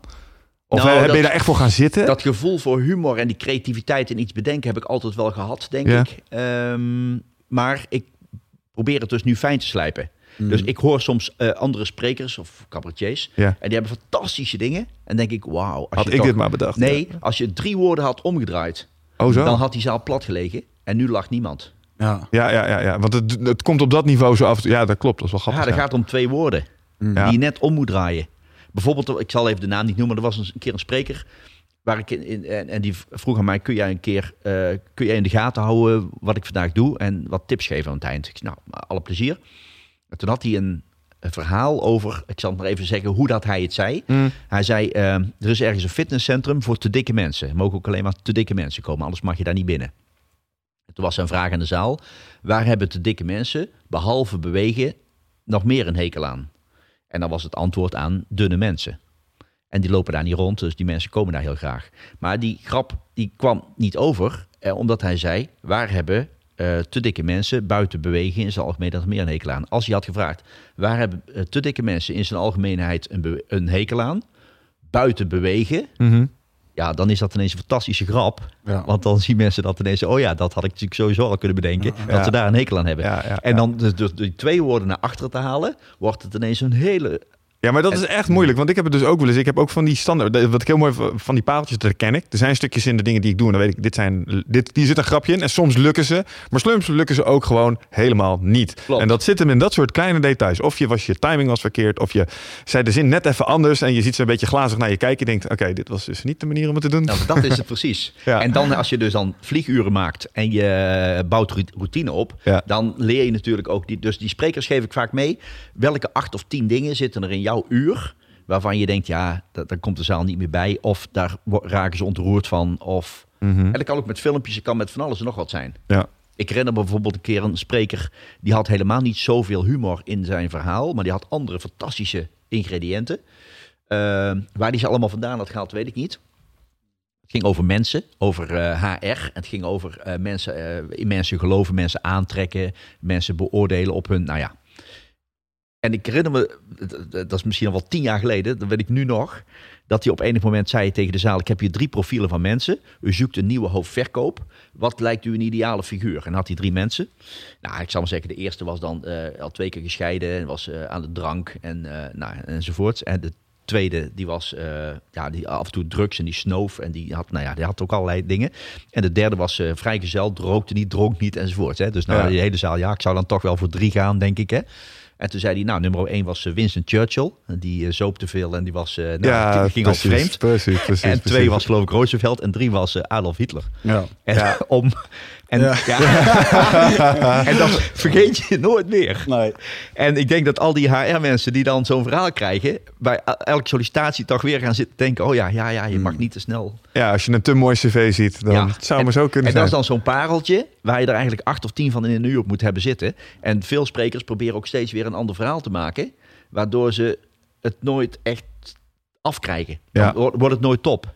Ja, nou, Ja, maar dat ik- is ook wel dat moeilijk. ken ik wel wat je zegt, want wij we doen regelmatig in ons eigen vakgebied doen we dan inderdaad van die presentaties. En Mm. het merk, ik, we gingen steeds meer, eh, ik ben heel erg bezig met bepaalde rolmodellen. Dan kijk ik naar hoe, iemand die ik fantastisch vind, dan kijk ik naar wat hij doet. Maar vervolgens kijk ik eh, naar heel veel luistermateriaal, filmmateriaal. En je ziet eigenlijk, als ik hem nu hoor spreken, dan denk ik van, oh ja, komt hij aan met dat verhaal. Het- inderdaad, het is, het is Ja, gewoon een verhaaltje wat wat altijd vertelt. Ja. Maar wat wel ontzettend goed werkt inderdaad. Maar, dat is, eh, maar dat is ook het risico op het moment dat je bepaalde mensen die een, een sterke indruk op je hebben gemaakt, ehm, eh, dat je hunzelfde trucje vaker ziet doen. Dat heb ik zelf ook als ik mijn eh verhaaltjes aan het doen ben. Op een gegeven moment weet ik, er zitten stukjes in en dan gaan mensen om lachen. En met dat je jezelf ziet inzetten, daar naartoe denk je, gaan we weer, weet je wel. En zij vinden het heel erg grappig, want voor hun is het nieuw. Maar zelfs mijn vriendin die gaat ook wel eens mee. En die zitten aan de kant en die zie ik zelfs al zo, weet je wel, zo gaan we weer, weet je wel. zo, daar zit hij weer, zijn gebruikelijke verhaal te houden. Maar de, Ja, maar de kunst is denk ik om dit te combineren met eh, je verplaatsen in je publiek van die dag. Waar, leven waar zitten zij mee? Waar lopen ze tegenaan Ja. enzovoorts. En dan ook wel de dingen eruit te halen die daarbij passen. Dus als ik gewoon een verhaal zou hebben van een uur en ik steek dat overal af, dan gaat dat ook niet werken. je moet die vertaalslag maken naar je toehoorder, zeg Ja. Ja. Ik heb, ik heb een, een, misschien dat is anderhalve dag materiaal.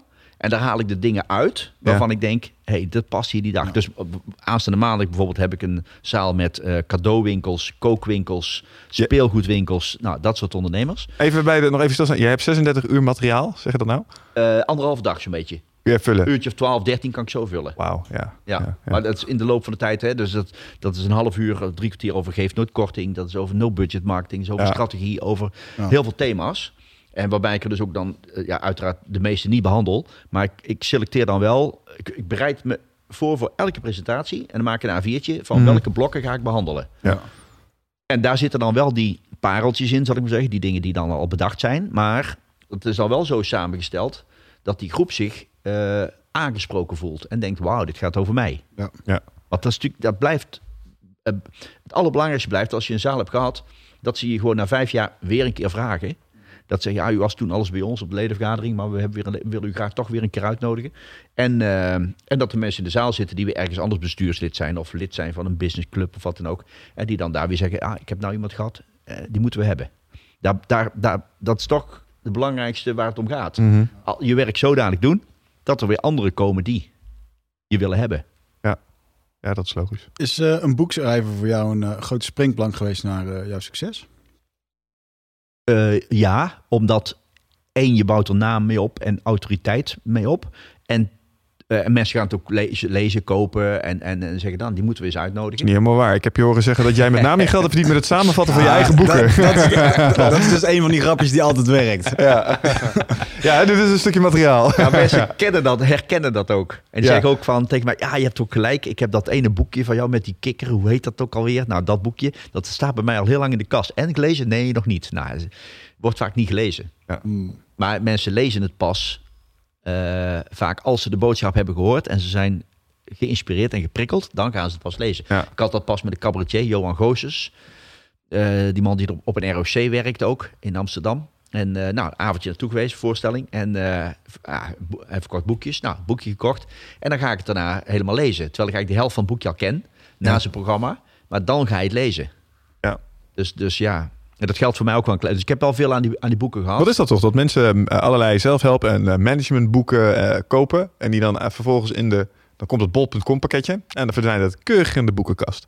Wat is dat? Iedereen wil een kant-en-klare samenvatting die ze direct kunnen uitvoeren. Ja, maar dan kun je toch gewoon beter op internet de cliff notes Ja, opzoeken. maar ook dat werkt dan weer niet. Het moet, ja, dat is zo'n raar mechanisme hoe dat, hoe dat, dat werkt. Nee, maar mensen willen enerzijds graag eh, beter worden en zich ontwikkelen en, eh ja, en dus het kopen voelt goed. Het kopen voelt goed. Ja, van, oh, dat is de belofte. Ja. Hoop. Van, eh, hè, Sonja Bakker heeft miljoenen boeken verkocht. En Nederland is alleen maar zwaarder geworden de afgelopen tien jaar. Ja, ja, ja. Sonja Rijker. ja ah, 100% heeft ze goed Zo gedaan. werkt het gewoon. Nou, Dus ja. Hmm, Oké, maar En toen- mensen willen dus hoop, maar ze- ze willen, eh, ze willen ook zichzelf al verbeteren en doen. Alleen ah, dan hebben ze dat boek. En dan ga je eh, als auteur van zo'n boek ga je concurreren om de tijd van mensen. Mhm. Mhm. Nou, en je kunt in een uur, twee uur hele leuke dingen doen. En ook een boek lezen. Ja, Ja, dus- en dan is de vraag, kiezen ze voor jouw boek? Eigenlijk zeggen ze geven makkelijker geld uit als tijd. Ja, want ja, dat geldt ook voor adverteren. Mhm. Heel veel ondernemingen die adverteren. Waarom? Het is gewoon makkelijk. Geef gewoon geld uit, krijg je zo'n campagne. Ja, dat, is, dat is makkelijker dan bijvoorbeeld je personeel klantvriendelijker maken. Dat is een enorme opgave. Ja. Geloof jij in adverteren? Ja, als je al erg goed bent. Mhm. Niet om nieuwe naam te maken. En, Nee. eh, Maar wel als je al goed bent en dan adverteren. En wauw, dan gaat er wat gebeuren. Mhm. Want dan hebben mensen al van je gehoord. En dan zien ze ook nog die advertentie. En als ze dan iets nodig hebben, dan ze, "Ach, dat is ook sterk. Want ik Dus- hoorde van... die wet van herhaling komt dan in één keer. Ja, eh, iemand eh, bijvoorbeeld... eh, Wat is dat?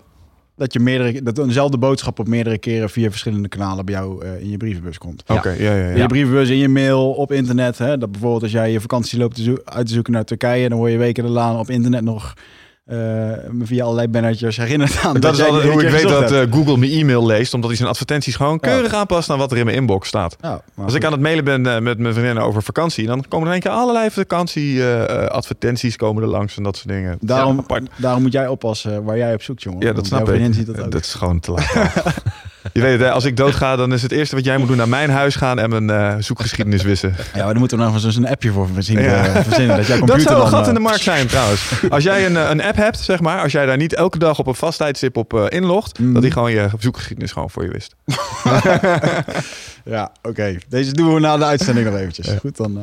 Maar, nee, maar je, eh, je, bent, je bent bijvoorbeeld op zoek naar een restaurant. Hè, Mhm. Voor een eh, Ja. feestje, voor, eh, je wilt een vrienden trakteren. Of je, hebt, eh, je gaat trouwen, je zoekt een bruiloftlocatie. Je zoekt iets. En eh komt plotseling een advertentie van een restaurant of een trouwlocatie. En daar heb je eh, toevallig de afgelopen tijd leuke dingen van gehoord. Ja, dan heeft die advertentie ongelooflijk veel nut. Ja. Heb je nog nooit gehoord van... Ja, dan ga je daar misschien nog vert op vragen. Of je gaat dus bellen, eh, informatie opvragen. Maar Ja. dan heeft dat adverteren ook niet zoveel nut. Dus ik vind dat te veel eh, er een soort absoluut ge- geloof is in adverteren. Mhm. Zonder eh, dat er waarde onder ligt. Mhm. Eh, eh, simpele voorbeeld, Starbucks ja, is geweldig groot geworden in de wereld. En, en zonder te adverteren. Ja. Maar gewoon door ergens voor te gaan. Gewoon dure koffie. Nou, snapt iedereen. Als je in New York rondloopt, dan weet je... Hey, hier hebben ze gewoon goede koffie. Ja. Zit jij eh, vaak in je hoofd? Eh, neem je heel veel informatie tot je video's, podcast, boeken? Eh, nou, voel je niet schuldig, dat doen heel veel mensen natuurlijk. maar vaak zijn we op zoek naar antwoorden. Gaan we nog meer informatie tot ons nemen, terwijl ja, de antwoorden liggen toch echt in onszelf. En dat is iets wat we voelen met ons lichaam. Maar vaak zijn we zo erg in ons hoofd bezig ja, dat we dat ook niet meer, dat we daar niet meer echt goed bij kunnen. En dat is graag waar ik je voor uit wil nodigen. Voor Rite of Passage. 24, 25 en 26 mei is er weer een nieuwe editie voor mijn retreat voor persoonlijke ontwikkeling. Waarbij het thema echt is om uit het hoofd te komen in dat lichaam. Want dat is waar je alles ervaart. En ik wil dat je gewoon weer in contact komt met, met die, die intuïtie. Ehm, en dan gewoon een heel sterk eh, innerlijk kompas. Dat je gewoon weer weet waar je naartoe moet, wat je te doen staat. En dat je gewoon weer helderheid hebt over wat je wilt en hoe dat je dat gaat doen. En dat doen we middels eh, bio-energetische oefeningen, dynamische meditaties, een stuk shamanisme zit erin. Het enige wat er bekend is van het programma is dat er een zweethut in zit. Eh, en natuurlijk gewoon hands-on persoonlijk leiderschap.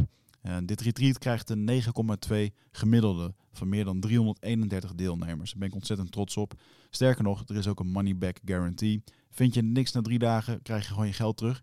Dus het enige risico dat je loopt, is dat je gelukkiger wordt. Klinkt dit als iets voor jou en durf je het aan? Dan zie ik je op Ride of Passage. Ga naar wichertmeerman.nl en klik op Retreat. Maar met internet, want vroeger we het natuurlijk over adverteren, en grote bedragen, bladen, printen, dat soort dingen. Maar je hebt vandaag de dag ook gewoon eh, eh, Facebook advertenties of Google advertenties. Je kan eigenlijk voor een habbekrats kan je al wat adverteren. Want om, in alle eerlijkheid, toen ik jou ging opzoeken, en ik kom dan helemaal uit de online wereld, eh, was jij online niet zo heel erg te vinden.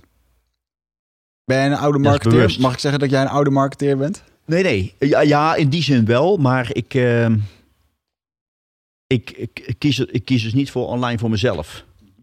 En dat heeft, dat heeft eh, ja, ik, ik vertel dat niet overal, maar ik wil dat, ja, ik wil dat hier best vertellen. Ehm, We hebben een primeur, jongens. Ja. nou, Je, je wist dat het op internet kwam, hè?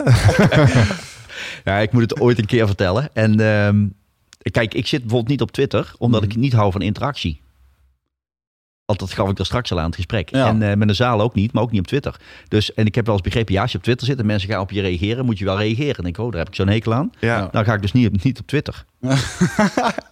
ja. Ja, ik vind het Ja, heel eerlijk. Ja, het als dat niet je ding is, dan zou ik zeggen, blijf vooral echt de fuck uit de buurt van Twitter, Facebook, die hele rambam. en een ander ding is bijvoorbeeld, ik zit ook niet op LinkedIn of zo. Maar dat komt, er zijn nu heel veel mensen die mij benaderen met Mhm. een vraag. Eh, ik zoek een mentor voor mijn scriptie. Of ik zoek, eh nou ja, eh, interview voor ons personeelsblad. Of eh, wilt u, nou ja, allerlei vragen. Mm. Ik probeer zo goed en kwaad als kan eh, mensen te helpen. Maar tijd is mijn enige probleem. Ja. Dus ik wil vooral niet stimuleren dat via social media nog veel meer mensen naar me toe komen. Want dan word ik nog ongelukkiger. Ja. Dus eh, zit ik ook niet op LinkedIn, want d- ik weet hoe dat gaat. Mensen gaan heel snel verwijzen. Er komt Mhm. iemand, gooit er een vraag op. Wie weet er nog iemand goed die mij kan helpen bij mijn nieuwe boek? Hashtag Nou, en dan, hup, en dan gaat hij meteen, komen ze bij mij uit. En dan moet ik die mensen allemaal gaan vertellen. Ja, sorry, maar ik heb daar te weinig tijd voor om iedereen te kunnen helpen. Je kan Wigert een klein beetje over meepraten. Ik heb hem eh, in een voorgaande podcast heb ik eh, een keer eh, gezegd... Yo, als jullie nog vragen hebben over dit onderwerp, dan kun je bij Wigert terecht. En sindsdien heeft hij het druk Ja. op, drukker op Facebook eh, Hmm. en Twitter en dat soort dingen. Dus nu heb ik ook gewoon een standaard riedeltje klaar voor diezelfde vraag die Ja, copy-paste, ja. En, ja, dus de volgende keer. Maar die ga ik je nog wel een keertje terug ja, dat weet ik. Daar ben ik al bang voor. Nou, ik heb nu zelfs al, het klinkt een beetje pedant, maar ik heb nu zelfs al een half A4'tje gemaakt. Mhm. Met de criteria die ik gebruik om dingen eh, af te wijzen of niet. Omdat ik elke keer opnieuw een verhaal moest schrijven. Ja. En ik dacht, nou, sommige dingen wijs ik gewoon af en zie bijlagen. Nou, dan staat gewoon in één keer mijn verhaal. Nou ja, maar dit trucje hadden support desks natuurlijk eh, lang, lang geleden al in de gaten. Het zijn gewoon canned replies. En dat is ook logisch. Want Ja. als jij telkens hetzelfde verhaal aan het uitbrengen... Het is heel sympathiek van je dat je het helemaal uittikt elke Ja. keer. Maar eigenlijk is het zonde. Ja. Want in diezelfde tijd had je ook weer mensen kunnen helpen. Ja, en nu krijg ik ook heel vaak begrip. Oh nee, ik snap het ook wel. En Nou, Ja, prima. Maar anderzijds denk ik, want wij zitten er nu een beetje... eh, eh, ik zit bijvoorbeeld in een Amerikaanse ehm, eh, masterclass van zes maanden. Daar heb ik geld voor betaald. En zit je met allemaal verschillende mensen die een bepaald vakgebied hebben. En dan het idee is dat je gaat samenscholen. En dat je, hè, dat er moeten mooie dingen uit kunnen komen. Dus voor de kennis die jij hebt, voor die 36 uur die jij eh, vol kan kletsen, zie ik gigantische mogelijkheden online. Om daar ja, nog wat extra's uit te halen. Hè. Je zou jezelf online kunnen verkopen met filmpjes, cursussen, dingen, webinars, noem het maar op. Maar goed, ja, Ja, volgens mij... Klopt, eh, en er zijn ook wel collega's die dat doen. Maar dan komt er een heel belangrijk punt om de hoek kijken. En dat is, eh, wat zijn je drijfveren? Wat is je ambitie? Wat is je doel? Wat is je doel? Eh, dat, dat is niet meer geld verdienen. Nee. Dus als je zegt oneindige mogelijkheden om binnen 36 uur via webinar enzovoort. Dan, dan, Mhm. ja, en het gaat om dan geld verdienen. Dat is niet mijn doel. Meer Ja. mensen bereiken, meer mensen inspireren. Want ik kan me voorstellen dat een hele hoop... eh, ehm, ja, ik denk dat jongeren eh, jou mis kunnen lopen. Hm, valt mee. Ik, ik krijg heel veel jongeren eh, op me af die na afloop van de bijeenkomst en die mij op van YouTube. Want YouTube is dan een van de dingen die ik dan, waar, waar ik zelf niks aan doe. Maar ja, Ja, opdrachtgevers zetten gewoon die filmpjes op YouTube. Ja. En eh, dat wordt wel heel goed gebruikt. Dus ik merk wel dat dat wel een heel sterke... ja, kijk, en ik heb ook wel eens Mm. zitten denken natuurlijk aan... misschien nog eens een keer een DVD uitbrengen of zoiets van... nou is dat misschien ook wel heel DVD is ook oud. Ja, ja. mooi. Ja. Nou, het, is wel een, eh, het heeft een mooie spurt genomen. Ik denk, eh, eh, over tien jaar is er weer wat anders, weet je wel. Via een hologram te, pre- te, te presenteren in Oh zo, om informatie te, Ja. te distribueren. Ja, denk ik ook wel. Ja, Maar iets webinars-. Kijk, dan mis ik ook publiek en zaal. Of je hebt geen interactie. Nee. Nee, geen interactie. Nou, dan wordt er ook alweer eens geloof ik, kunnen mensen vragen stellen en zo. Ja. Maar dan heb je ook geen publiek. Dan is het... eh, Dat is wel grappig dat je dat zegt. Want enerzijds eh, is je publiek dus een beetje je vloek en je zegen. Want je, wil, je vindt het nodig dat ze er zijn. ja, Want daar ga je waarschijnlijk op aan. Dat is leuk als mensen om je lachen. Dan is dat vet prettig. Maar ze moeten vooral niet te veel lastige vragen stellen. Want dan in dat opzicht is dan ook wel weer een klein beetje vervelend. Je hebt ze nodig, maar liever niet te veel interactie. Nou, het is niet zo dat ik het vervelend vind in de zin van er komen er vragen of moeilijke vragen of wat dan ook. Oké. Maar ehm, het haalt je vaak uit je, uit je ritme. eh, Uit. Uit, ja, uit je flow van Mm. wat je met de zaal hebt. Mm. En heel vaak eh, komt er bijvoorbeeld ook altijd wel een man of vrouw met een vraag. Wat geen vraag is. Mhm. Dat is dan een opmerking. Want die mensen horen zichzelf graag praten. En Die willen zichzelf ik, even laten ja, gelden. denk ik, ja, dat Ja. heb ik ook. Maar daarom sta ik ook hier. Ja, daar moet je even je mond houden, jongen. Ja, en als ik in de zaal zit, dan denk ik, nou, nou hou ik maar even mijn mond. Nu zit ik in de zaal. En, ehm, en, en vaak leidt het ook enorm af van, van, van eh, je verhaal en van de aandacht die je hebt van de zaal. Want iemand gaat dan een betoog houden. En die zegt, ja, wij zitten dus met een soort mul- multi-channel problematiek en zo. En dan denkt de rest van de zaal, oh, waar gaat dat nu weer over? Nou, en dan ben je de rest van de zaal kwijt. Ja. ja, ik had het onlangs met een. eh, moest ik een presentatie geven voor eh, fashion retailers. Er zaten er een stuk of 135 in de zaal. Ik had het echt goed voorbereid, de presentatie, waarbij je inderdaad elke overgang, elk intro, elk grapje. Ja, tuurlijk kan je, er flexibel in zijn, maar ik sta ook wel makkelijk voor een groep, dus dat is ook wel oké. Eh, ik durf te zeggen dat het mijn beste presentatie ooit was. En vervolgens mochten er dan wat vragen gesteld worden achteraf. En er zat er eentje, inderdaad, die stelde... eh, ik merkte gewoon aan de vraagstelling dat hij er niks van had begrepen. En hij lag er zo over door te emmeren. En er kwam op een gegeven moment gewoon irritatie, discussie... ook van andere mensen die dan in het publiek zaten. Waardoor eigenlijk een soort van... eh, nou ja, oké, nou dit... eh, dat, het was ook een soort van de laatste vraag. Dat was echt een... Ja, Domper. ja, nou niet zozeer... Ja, het deed gewoon niet goed aan de presentatie. En de vibe Nee. die er hing toen het Ja, klaar ja, was, ja, weet je wel. Die was weg. Ja. Ja. Dus die, eh, die man mag ook nooit meer komen. Ja. Blacklisted. Nee, maar ik herken dit heel erg wat je zegt. En eh, ik probeer dus al, het- ik houd het uiteraard niet tegen. Dus soms komt er wel zo'n vraag. En of ik geef meteen een hele korte reactie. Ja. Of ik eh, geef meteen aan dat ik straks in de pauze en afloop, hè, of de afloop, eh, een- meteen een persoonlijke reactie zal geven eh, aan de man of vrouw die dan een vraag stelt. Persoonlijke reactie. Dan hoeft het al niet meer, Ja. vaak. En vervolgens is Jos meteen weg. Mazzel. Was Jos dan? Nee, ik Sta ben, via de achterdeur naar buiten gaan. nee, ik ben nooit meteen weg. Want Met dat zijn hoort met- met zijn bij- fles wijn onder zijn arm liep hij naar buiten. Ja. Is dat, dat zo? niet? respect voor het publiek. Ja, is dat zo? Ja, natuurlijk heb ik wel eens de neiging om te denken... s'avonds om kwart over elf stadskanaal. Mazzel. Hmm. Ik zou nu wel willen gaan, maar dat hoort er gewoon bij. Dat Echt? is, mensen hebben recht op dat je nog even een half uurtje, drie kwartier blijft. Oh. Hoe ziet het? eh, Oh, ik weet eh, niet of ik dat zou willen. Nee. Nee, ja, ik ben, ik, ik, ja, ik vind dat het, dat het moet. Eh, dat het zo hoort. En wat ik eh, bijna nooit doe, is daarna nog buffetten, diners en zo. Ja. Dat, dat, Oh, ik kijk er anders tegenaan. Je moet snappen dat ik net eh, heb staan knallen op dat podium. Ik ben moe. En wil naar huis. Ik moet opladen voor de volgende keer. Zeg maar zo bekijk ik dat. Want je bent ook echt leeg. Eh, Vind je het Ja. dan niet heel moeilijk om nog... eh, want mensen willen allerlei eh, oprechte vragen aan je stellen. En dat laatste, dat, dat sloopt je helemaal volgens mij. Dat Nou, laatste dat stukje. Dat kost zo. veel energie. Ja, kost wel energie, ja. Ja. Ja, dat is ja, me ik voorstellen. vind dat het erbij hoort. Je, je Het kunt, is wel heel ja. netjes hoor. Het is wel heel keurig. Ja, maar dat is er ook waar je na je business eruit haalt. Als mensen nog even komen, of even, of ik had het ook, ik liep daarna eh, rond en er kwam een ondernemer en Ja. ik gaf gewoon, hij zegt, je, ik hoef niks meer te weten, hier heb je mijn kaartje, je mag van de week bellen en nou, Oh, we dat gaan het samen regelen. Nou, oké, weet je, Ja, relaxed. Ook, Dat zijn dat, de mooiste. ook dat. Dat is leuk. Ja. Oké, hoe ziet het bedrijf Jos eh, Burgers eruit? Want heb jij, werk je helemaal voor jezelf? Heb je assistenten, medewerkers? Ik werk alleen. Ik heb eh, een secretaresse Wendy en die is niet bij mij in dienst, dus die werkt zelfstandig. Hmm. En die stuurt mij gewoon een keurig factuur elke maand. En, eh, maar die werkt wel voor mij alleen. Dus die neemt voor mij de telefoon aan, doet de mail. Hm. Eh, als ik op vakantie ben, nu eind over een weekje ga ik weer twee weken weg. En dan eh, nou, doet ze de mail voor mij 14 dagen. Dus dan loopt alles door. Griekenland. Oh, leuk. Lekker. Ja, de economie een beetje helpen. Ja, goed. nee, we hebben daar een vast heel sociaal. ja, een, een, een mooi adres gevonden. eh ze wel 11, 12 marketing jaar geleden. En eh, ja, daar gaan we al eh, zeg maar 11 jaar naartoe. Hm. We- voor de rest hebben we altijd andere bestemmingen. Het hele jaar door eh, andere bestemmingen. Maar in juni, mei, juni hebben we altijd twee weken. eh is ook een beetje mijn schrijf twee weken. Dus Ah. dan heb ik een nieuw boek soms. En dan nu ook weer een idee. En dan neem ik mee. En neem ik al het materiaal mee. En dan, Oeh. zoals een ander gaat schilderen op vakantie, ga ik dan... eh, Nieuw, nieuw idee. Tipje van, de, tipje van de sluier. ja, het gaat over verandermanagement. Oh, Eh, maar dan verandermanagement in relatie tot klantgerichtheid. Ja. Dus, en met name dan niet alleen maar de tips van wat is nou klantgerichtheid enzovoort, hè, maar hoe krijg je nou jezelf en je mensen zover Nou, dat ze het ook gaan doen. nou deze moeten we toch even ingaan, want deze hebben we zelfs voorbesproken. Ehm, deze vraag, want ik had hier een vraag over, dus nou nou moet ik hem er wel even ingooien. Oké, Ehm, Dit is je kans, jongen. Dit is mijn kans. Ehm, en dat zit hem in het volgende. Ik heb eh, eh, inmiddels eh, ook vanuit mijn eigen carrière bij een aantal bedrijven geweest. Ik heb ook een aantal rebranding, strategie en marketing sessies en dat soort dingen heb ik mogen bijwonen. Ik heb eraan mogen bijdragen en in de panels mogen zitten en dat soort dingen. En dan valt mij altijd op dat die marketingbureaus zijn heel goed in het enthousiasmeren van met name middenkader en bestuur. Eh, want die snappen de visie en de strategie en alle mooie krachttermen en dat soort dingen die daar dan eh, bij komen kijken, die snappen ze helemaal. En dat, dat heeft ook het juiste gevoel, want die zijn het verhaal aan het uitdragen in de markt. Alleen dan komt vaak het belangrijkste gedeelte en dan wordt zo'n nieuwe visie en zo'n nieuwe brand wordt dan gepresenteerd aan de werkvloer. En dan staat daar 200 man je staat er dan naar te kijken en dan sta je dan tussen en dan hoor je de reacties. En sommige mensen denken, ja, dit is mooi. Maar wat je ook heel vaak hoort is van, nou, hier moet dus echt volledig niet in vinden in dit verhaal. Dan zie je dus een discrepantie ontstaan tussen enerzijds wat het bedrijf wil uitstralen en hoe de mensen die het moeten doen zich voelen bij het bedrijf. En dan denk ik altijd, dit wordt een probleem. Dit gaat geen succes worden als dit gat niet gedicht wordt.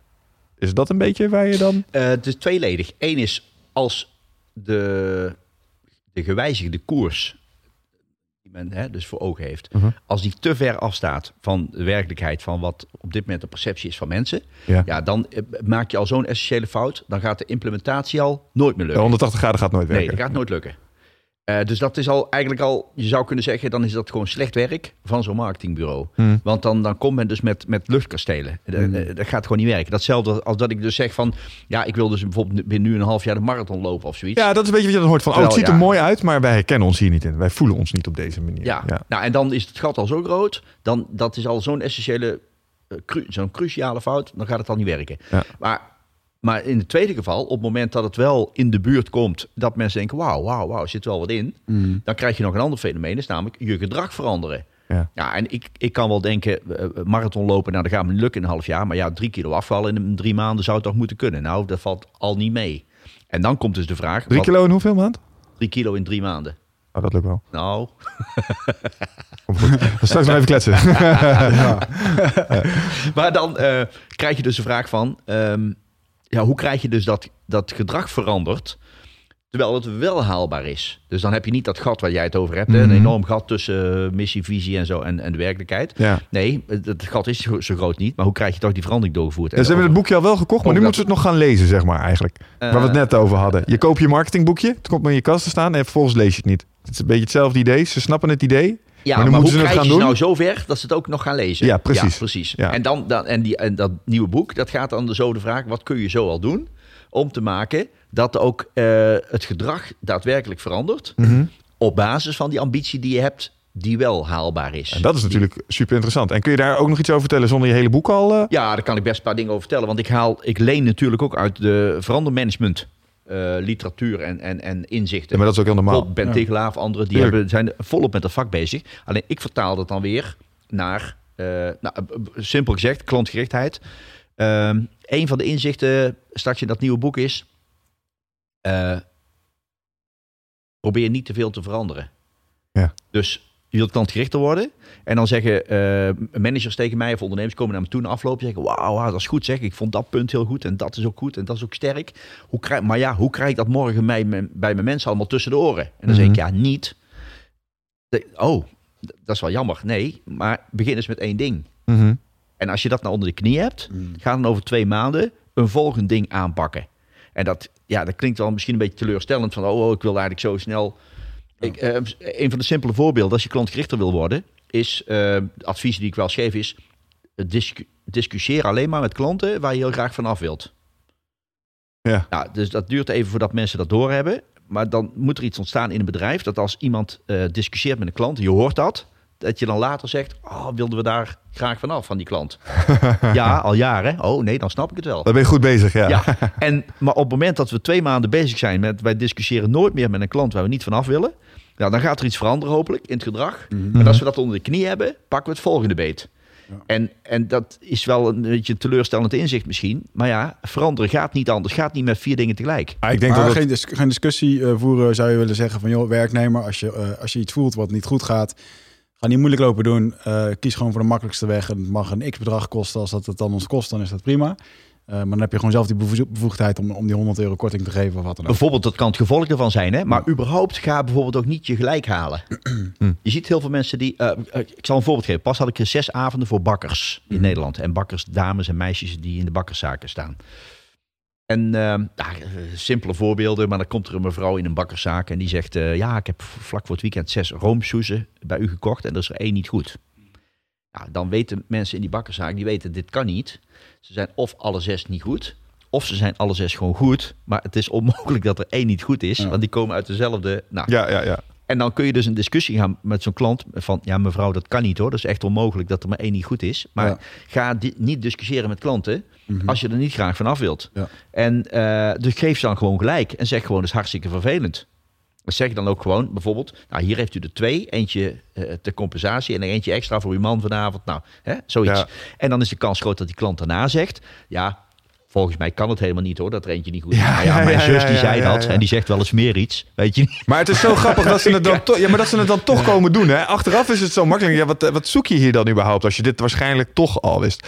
Maar ik, eh, ik herken wat je zegt. En, ehm, nog even over die implementaties, eh, wat je zei. Want dan kun je de analogie misschien nog wel even trekken naar die drie kilo eh, waar we het over hadden. Ja. We doen ook wel eens dingen om eh, mensen met een BMI-uitdaging te helpen. En ehm, wat je zegt klopt inderdaad. Want wat die mensen altijd graag willen is... ze willen en gaan sporten en aan hun voeding gaan werken. En dan moet het Precies. allemaal... En, en Ja. dat werkt niet, want dat hou je maar beperkt vol. Ja. Begin nou maar eens met je ontbijt. Doe dat eerst maar zes weken. Kijk wat dat doet. En als dat werkt, dan gaan we wel iets anders Tot je dat aanpakken. onder de knie hebt. Juist, pak eerst die gewoonte maar. Want Ja. als jij die gewoonte moet gaan aanleren... Ja. terwijl je parallel daaraan een andere gewoonte moet gaan afleren... en je gaat nog wat nieuwe gedragingen introduceren in je leven... dat is zo nieuw en dat kost zoveel energie. Dat is kansloos. En hetzelfde, dat, dat geldt voor sport, maar dat geldt ook voor bijvoorbeeld implementaties van eh verandermanagement, maar ook voor bijvoorbeeld van nieuwe software ergens gaan gebruiken. Moet je ook stapsgewijs doen. Want eh, mensen in dat opzicht, ehm, we vinden onszelf mentaal allemaal heel erg lenig, maar dat valt echt vies tegen. Absoluut. Wij zijn echt, eh, we hebben een hekel aan verandering. Dat vinden we echt helemaal niks. Nee, dat klopt. Ik zeg wel eens, zet je als je een bureau hebt waar je dagelijks aan werkt, hè, zet maar als je niet apparaat op een andere plek. Ja. Nou, je grijpt vijf keer mis en na zes keer denk je, nou, zet hem maar weer terug. Ja, ja, ja. Dat stond daar toch handiger. Ja, ja gewoon. Ik heb wel eens van Ja, een, wij zijn eh, allemaal gewoontedieren. Ik heb wel eens van een eh, therapeut de opdracht gekregen om eh, s ochtends een andere eh, volgorde van dingen te doen. Dus niet eerst. eh, Oh ja. Weet niet wat iedereen. Iedereen eigen ochtendrituelen. Ja, Van je pantoffels tot je bad, tot, tot je laten we het over badjas. jouw ochtendritueel hebben. Ja. Wat netjes houden, toch? ja. Maar ehm, eh, voor hè, tanden poetsen doen, maar dat je gewoon eerst gaat ontbijten en dan die tanden gaat poetsen en dan en, eh, dat het in één keer door elkaar gooit. Dat je 's ochtends al bewust bezig bent en dan moet je, dan moet je daar gewoon echt al moeite voor doen om dat te doen. Dan moet je, ja. En dat is zeker ook eh, in een bedrijf. Ik werk dan in de IT, waar het inderdaad, ja, dat is lastig om naar binnen te komen. En iedereen gaat dan ook meteen een soort van in de ankers. Van eh, eh, als er in één keer een grote verandering komt, waarbij mensen in één keer, eh, ja, maar ik moet dan en dan weg, ik moet nog op vakantie, dan moeten ze denk Ja. ik wel uit doen. Maar dat, maar dat komt natuurlijk ook omdat eh, gewoontes heerlijk zijn.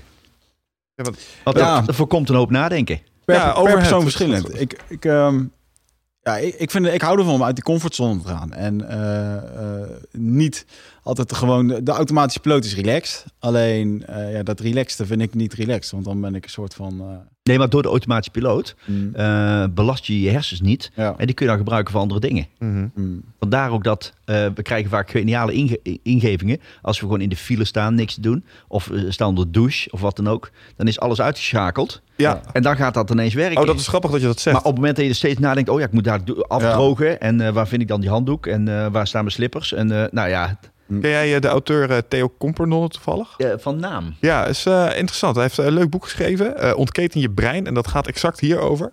Namelijk over het, ehm, eh, het af en toe de, je hersenen de gelegenheid geven om niet actief met een probleem bezig te zijn, zodat je onderbewustzijn een stukje reflectie kan pakken en problemen kan oplossen. En dan krijg je inderdaad dat fenomeen waar jij het over had, dat je in één keer, terwijl je in de file lijkt te staan of onder de douche staat, dat de meest geniale ingeving in één keer naar boven lijkt te komen, alsof die aan het rijpen was en ineens, ah, en nu kunnen plukken, zeg maar. mm. Ehm, en dat kun je veel vaker hebben op het moment dat jij je hersenen niet eh, actief iets laat doen. En de analogie die dan nog wel eens wordt gebruikt is... eh, je kan eh, je bewustzijn vergelijken met een spreker op een podium inderdaad. Op het moment dat hij aan het kletsen is, dus je bent actief met een hersentaak bezig... dan staat de spotlight eh, op die manier op het podium. En dan is het publiek aan het kijken. Maar stel, je doet de lampen, eh, de lampen gaan aan, het wordt diffuus licht... en het publiek gaat met elkaar kletsen. Eh, dan gaan ze problemen oplossen onderling. En dat is wat je onderbewustzijn is. Dat is het publiek dat niet aan het opletten is. En dus in één keer onderling met elkaar aan de praat kan. En dus allerlei probleempjes aan het oplossen is. En als ze dan een oplossing hebben voor een moeilijk probleem, dan presenteren ze dat. En dan gooien ze dat als het ware naar degene die op het podium staat. En die krijgt dan niet zo, hey, dit is interessant. En die kan het daar, daar weer met je over hebben. En dat inderdaad dat eh, je niet eh, eh, proactief met allerlei dingen bezighouden. En dat is waar die automatismes weer heel erg handig in zijn. Dat zorgt ervoor dus dat je nou ja, je probleemoplossend vermogen beter zijn ding kan doen. Dus alles aan de voorkant uitknobbelen is eigenlijk heel ja, niet productief. Je kan het beter erin gieten en je onderbewustzijn even een tijdje zijn ding laten doen. En die presenteert je dan de oplossing vaak wel weer terug. is echt een mechaniek dat kun je gebruiken. Nou, en hij heeft daar een heel mooi boek over geschreven. En dan met name hoe e-mail en eh, WhatsApp en allerlei multitask dingetjes die je doet de hele dag, dat eh, proces ontzettend verstoren. Storen. Ja, alles wat aandacht eist, verstoort dat ja, in principe. Ja, ja, ja. Dus eh, vandaar. Heb je ook een beetje ervaring met hoe je jezelf kan organiseren om het optimaal uit jezelf te halen? Dus zie je dat veel ondernemers eh, eh, heel hard aan het werk zijn, rond aan het rennen zijn, maar zonder al te veel focus en zonder, al, eh, zonder eigenlijk echt te doen waar ze mee bezig zijn. Ja, waar ik wel in eh, geloof is dat je soms ruimte moet maken in je agenda, in je dag, in je week, in je jaar. Om zeg maar voor nieuwe initiatieven, nieuwe ideeën enzovoorts. Dus ik eh, geloof erg in de theorie van stoppen, doorgaan, eh, beginnen. Waarbij je regelmatig je de vraag stelt: waar ga ik nu de komende tijd mee stoppen? En op het moment dat je nergens mee stopt, ontstaat er ook geen ruimte om nieuwe dingen te doen. Oké, dus jij stoot eh, Dus eens in zoveel tijd activiteiten af ja, om weer... maak een lijstje van waar ga ik al mee stoppen. En dat is bijvoorbeeld ook kranten lezen of tijdschriften lezen. Ja. Die niet meer. op. Dan doe ik die tijdschriften weg. Nou, klaar. Die mis ik dan ook niet meer als ze er niet meer zijn. Maar als ze komen, ga ik ze toch weer zitten lezen. Mhm. Of ik heb twee kranten of drie kranten of nog eentje extra in het weekend. Nou, hup, weg, eentje weg. Dat bestaat, hè, dat mensen dat hebben. Ik heb niet Ja. eens een tv. Ik heb een nieuw huis. Ik heb niet eens een tv opgehangen. Weet je wel? Het is gewoon, Internet. Internet is gewoon de bron van mijn Ja. eh, informatie. ja, ik ben er altijd wel bezig. Weet je wel? ik ben niet zo de. Ik heb wel vraag me wel eens af of het mijn tijd heel erg verspil. Ja, soms lig ik ook wel eens op de bank. Dat doe ik ook wel eens niks. Ja. Maar. Nee, maar het heeft ook te maken met... Dus, dus enerzijds is het gewoon tijd. En Mhm. anderzijds is het natuurlijk ook je ambities formuleren van jaar op jaar. Zeggen van, nou, wat wil ik nou dit jaar bereikt hebben? En dat dan weer in zulke kleine stukjes hakken. Mhm. Ja, het zijn allemaal natuurlijk oude principes, maar zodanig dat er gewoon iets gebeurt. Dus op het moment dat ik met een nieuw boek bezig ben, dan neem ik me bijvoorbeeld voor van, eh, nou, over een jaar of moet uit zijn of anderhalf jaar moet klaar zijn. Ik ga nu gewoon elke dag een uur investeren in het boek. Ja. Hoe maakt niet uit. Het kan ook zijn praten met de uitgever die dag of eh, op internet iets Ja. opzoeken. Maar een uur. Mhm. En als je dat een week volhoudt, je hebt zo'n zes uur geïnvesteerd in een boek en na een maand heb je er 24 uur in geïnvesteerd. Dat zijn vier hele dagen Ja, dan word je zo enthousiast, dan ben je bijna niet meer te stoppen om het op een uur te houden. ja. en wat heb je momentum? En, Ja. en dat is wat mensen onderschatten. Het, het plus één effect noem ik dat altijd. Eh, De, eh, zeg maar, het cumuleren van kleine acties, zeg maar, richting een einddoel. Uiteindelijk eh, be- bereikt het een bepaalde critical mass en dan komt het op gang en dan komt het op stoom. En dan op een gegeven moment dan kan je niet anders als erop springen, want kijk eens, het beweegt gewoon, het, het lukt. En dat is heel mooi dan. En inderdaad, het zijn kleine stapjes, want de meeste mensen zie ik de valkuil maken, ja, ik wil het doen. Maar dan moet ik, eh, ja, dan moet ik wel acht uur voor gaan zitten of zo. Pff, moeilijk, moeilijk. Je krijgt geen acht uur in de boeken. Nee, maar als je nou acht keer één uur had ingepland, dan was het, had je al kunnen beginnen. Mhm. Je had gisteren al bezig kunnen zijn. En dat is echt heel krachtig. Kleine Eh, plus eentjes. Ja. Dat vind ik als dan, eh, eh, weet je wel, voor, voor de social media marketing stra- strategie die je dan schrijven, dan kom je vaak bij een ondernemer. Ze hebben geen idee. Zo van, en dat is- haal ik ook vaak aan van, joh, als jij die ondernemer bent die 's ochtends om eh 11 uur nog een keer op zijn telefoon kijkt van, oh ja, shit, we moeten ook nog wat op social media, we moeten nog wat op Facebook zetten en je gaat dan wat bedenken, dan ben je geen waarde aan het bijdragen. Dus Maar op het moment, op moment dat jij een drie maanden strategie hebt, het grote plaatje hebt van wat je uiteindelijk wil gaan doen en waar je naartoe wil, je wil daar verhalen omheen schrijven, en dat geeft je ook heel erg veel rust, dat je weet wat er moet gaan gebeuren. En natuurlijk moet je daar eh, flexibel tussendoor kunnen schakelen. Eh, dat dingen die tussendoor komen, die kan je er ook mooi op plaatsen. Dat past er allemaal perfect bij. Maar zorg in ieder geval dat je gewoon een plan hebt. En maak dat plan het liefst zo mooi mogelijk wat jij wil. En ga dan eens concreet strepen in je capaciteit, in je budget, in je personeel, in je, je kennis die je hebt, of dat het allemaal wel mogelijk is. En op basis daarvan kan je eigenlijk gewoon ja, eh, daadwerkelijk vooruit gaan werken. Eigenlijk moet je zorgen dat je doelstellingen zodanig uitschrijft dat het eh, actionable eh, steps worden. Dat je dat gewoon af kan vinken. En, eh, Slice and dice. Ja, maar waarbij ik nog wel in al die jaren ben gaan geloven in waarbij, dat je daarbij niet het, het steeds het eindresultaat definieert, Mhm. maar alleen maar de inspanning. Hoe bedoel je dat? Nou, bijvoorbeeld een uur per dag. Dat zegt niks over wat het oplevert. Ja. Maar wat vind jij van uitspraken als dan? Want eh, een van de dingen die we mensen nog wel eens mee proberen te geven als we begeleiden is, joh, begin wel met het eind in gedachten. Je moet wel nadenken over waar je wil uitkomen. Tuurlijk. Hè, krijg je mooie quotes zoals van Abraham Lincoln. Als ik een boom moet omhakken, dan spendeer ik... Hè, ik heb zes uur om een boom om te hakken. Spendeer ik de eerste vier uur aan het scherpen van de bijl. Ja, ik vind het wel mooi klinken. Het klinkt intuïtief wel sterk om inderdaad in ieder geval ongeveer na te denken over waar je uit wil komen. Maar dat doe je dan niet. Jawel, jawel, jawel. Want uiteindelijk moet het natuurlijk voor, voor ogen staan dat je dan zegt, dan is mijn boek af. Of dan Ja, heb precies. ik een complete presentatie in elkaar die fantastisch is. Of ja, er moet wel een soort einddoel zijn. Ook Heb jij een soort roadmap dan? Van als ik dit boek schrijf, dan ga ik daar eh, dat weer mee doen. En dan kom ik daar terecht en dan inspireer ik mensen tot dat gedrag. En, of gaat het niet zo ver? Zo ver niet. Zo Nee. ver niet. Nee, nee, nee, nee. Het is natuurlijk wel zo. bij mij zijn mijn boeken ook altijd een soort wisselwerking tussen mijn presentaties en het schrijven van boeken. Dus e- enerzijds behandel ik al heel veel in presentaties, Mhm. wat ik daarna pas in het boek ga schrijven. Ja. Dus ik test het al uit met de zaal. Ja, eigenlijk zijn je, je presentaties je creatieve proces. Ja, Ja. daar kom Daar ik haal op je ideeën. feedback op, denk ik. Ja, daar kom ik op ideeën. Dan denk ik, wauw. Dat, eh, bijvoorbeeld, dat, dat volgende boek gaat het over dat verandermanagement. En dat, eh, de kern daarvan is, hè, hoe maak ik van klanten fans? Simpel gezegd Oké, ja. Ehm, maar dan, dan krijg ik op enig moment in de plossing de ingeving. Dan ben ik aan het spreken voor een zaal. En dan komt er een manager na afloop naar me toe. En die komt dan iets vragen. En dan ineens denk ik, wauw, dit is wel een hele goede vraag. En de- b- bijvoorbeeld iemand zei tegen mij... Ja, maar wat, eh, ik vind het allemaal leuk dat jij ook allemaal, eh, zegt tegen medewerkers... je mag kleine dingetjes doen om fans te maken. Mhm. Maar wat mag dat dan kosten? Dan denk ik, wauw, dat is een fantastische vraag. Mhm. Ik denk als ik nu eh 90 van de 100 bedrijven vraag... wat mag bij jullie een fan kosten? Dat, er komt nergens een antwoord. Daar heeft men er nooit over nagedacht. Nee. Dus medewerkers weten niet, je mag altijd een tientje uitgeven als het een fan oplevert. Mhm. En, en, en, ja, en daarna komt dan weer de vraag natuurlijk van als je dat hebt gedefinieerd, waar komen dan weer die centen vandaan? Nou ja, hè, dan ga je zeggen, dus- help je bedrijf ook bij dat proces? Want hè, gesproken, die meneer die jou dan eh, tegemoet treedt, ja, gesproken als echte manager natuurlijk, want die denkt, oh, dit moet ergens in mijn Excel-sheet, hier moet een kostenpost worden opgenomen. Ja. Hoe ga ik dit kwantificeren? Ja. Ehm, en het is natuurlijk heel mooi om te zeggen, ja, je moet fans maken van je klanten, maar onder de streep is iedereen winkeltje aan het spelen natuurlijk. Dat moet allemaal blauwe inkt worden, Eh, dat vinden we het mooist. Dus eh, de kosten zijn een, een aspect. Help je mensen, of help je bedrijven ook met dat proces dan borgen in de nee, niet implementatie? implementeren. of zo van, eh, nou ja, dit is het, eh, good luck. Ja. Ja, oké. Ja, lekker, ik- lekker. ik- ja, ja, letterlijk. Ik verwijs je natuurlijk wel naar mensen als ze hulp nodig hebben. Mhm.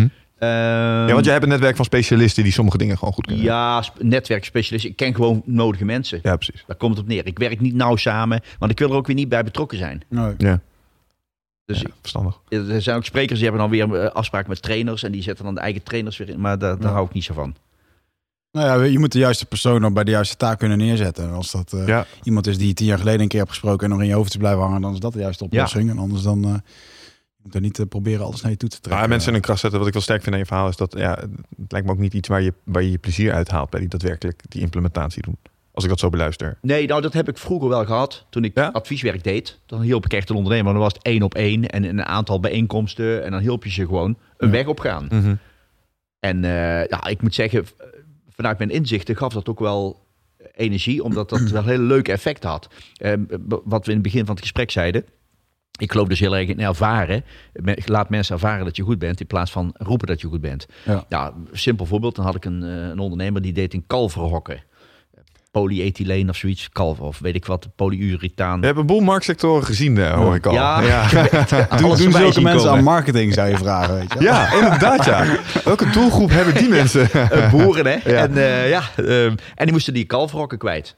En die waren dan beter, die kalverhokken. En die kalveren kregen minder ziektes. Dus je hoefde weer minder uh, nou ja, dierartskosten en Ja. noem maar op. En dan, zei, en dan hadden we daar gesprek over. En dan zei hij, ja, we doen nog veel in Duitsland. En, en, en, en die boeren daar, die zijn zo enthousiast als ze die kalverhokken eenmaal hebben. Nou, echt waar, dan wilden ze er nooit meer vanaf. Dus nou, toen was, ja, maar dan was ik er al uit. En dan zei ik van, nou, rij mee in een gigantische vrachtwagen naar Duitsland. Mhm. Vol kalverhokken. Gooi er overal gewoon vijf of tien af. Mhm. En zeg gewoon, eh, ja, kom ze gewoon eh, alleen maar brengen. Kijk maar wat je ervan vindt. En kom ze over een maand weer ophalen. Nou, en dan ga je ze over een maand gewoon weer ophalen. Ga je met die vrachtwagen weer overal langs. Ja. En als die boer dan zegt, ho, ho, ho, nee, ik wil ze niet kwijt. Dan zeg je, nou, dat kan. Dit is wat het kost. Dan stuur ik je nu een factuur. Ja, Ja, dat is, dat is heel makkelijk een eigenlijk. hele agressieve marketing op zich. Ja. Nou, dat is niet... Ding dong, hi, kom je even wat brengen? Oh, thanks. Wat is dit? Ja, we komen het over een paar weken weer ophalen als het niet bevalt. Nou ja, dat is toch geweldig voor een klant. Als dat niet bevalt, neem je weer mee. Ja, en toch, en toch denk ik hiervan, want ehm, dit is leuk als je budget hebt en tijd hebt om dat soort dingen uit te zitten. Maar er zijn natuurlijk ook heel veel ondernemers die, eh, die helemaal niks hebben. Ehm, en dan werken dit soort dingen, want ja, niet iedereen heeft een voorraad om in te kopen. Vanuit te- zouden we dit niet even kunnen doen, zeg nee, maar. en dat is, dat is moeilijk, weet je. Dus het is een... ehm, Nee, Kijk, daar ben ik niet met je eens, eh Wickert. Kijk, het is zo, je moet, ehm, je moet je creativiteit gebruiken om te denken... wat kan ik in mijn situatie doen om Mhm. klanten iets te laten ervaren? ja. En dat betekent, eh, maar creatief word, word je pas als je een probleem hebt. Ja, dat is vaak zo. Als je geen probleem hebt, word je ook niet creatief. Ik bedenk morgen niet allerlei oplossingen voor dingen waar ik niks mee heb. Nee. Dus, eh, maar op het moment dat je denkt, hoe kan ik een klant iets laten ervaren? Ik verkoop matrassen en die liggen in een winkel. En ja, kan moeilijk iedereen eh, in die winkel laten overnachten en zo om die matrassen te laten ervaren. Maar Ja. op het moment dat jij zegt, dit is mijn probleem. Hoe laat ik mensen ervaren hoe, hoe het mijn matrassen zijn? Dan kom je een keer op een oplossing. Ja. Nou, bijvoorbeeld wat Auping heeft gedaan. Die hebben dus eh suites ingericht bij Huis ter Duin. Ja. En als je dat een weekendje huurt, nou, dan kun je op hun dingen slapen. En dan weet je na het weekend hoe die dingen liggen. En dan je- krijg je ja, geld terug als je die matras koopt. Ja. Ja, en dat, dat, maar dat, dat, je komt pas op die oplossing als je zegt, dit is mijn vraagstuk. Ja. Hoe Ja. geef ik mensen een ervaring? En hij heeft toevallig veel kalverhokken waar hij dan vanaf wil. Maar eh, zo is er voor iedereen- wel een oplossing. Ja. Maar eh, wij, vinden het niet raar dat Activia, heet het geloof ik. Ja. Dat is zo'n yoghurtje of zoiets. Hè? En eh, dat kun je zeven dagen proberen. En dan krijg je geld terug van Unilever eh, als je het niks vindt. Ja. Maar datzelfde verhaal is van die kalverhokken. ja, en waar we het in het begin over En dat hadden vinden we niet raar. Ja. Ja, wij hebben ook wel eens voor een eh, eh, soortgelijk eh, eh, dilemma gestaan. Ehm, eh, een van de dingen die we bijvoorbeeld vanuit, eh, vanuit Nutrofit doen, is wat je hier achter ziet staan. Dat is het merk Onnit. En die mannen die zijn dermate sterk overtuigd van de kwaliteit van, van hun producten. En, en wij inmiddels ook. Die hebben een zogenaamde Onnit Full Money Back Guarantee. Met andere woorden, probeer ons product. Vind je het helemaal niks? We hebben een paar spelregeltjes bedacht. Hey, je mag bijvoorbeeld niet het hele potje hebben leeggegeten. Want als jij 30 tabletten hebt gebruikt, dan deden ze vast wel iets voor je.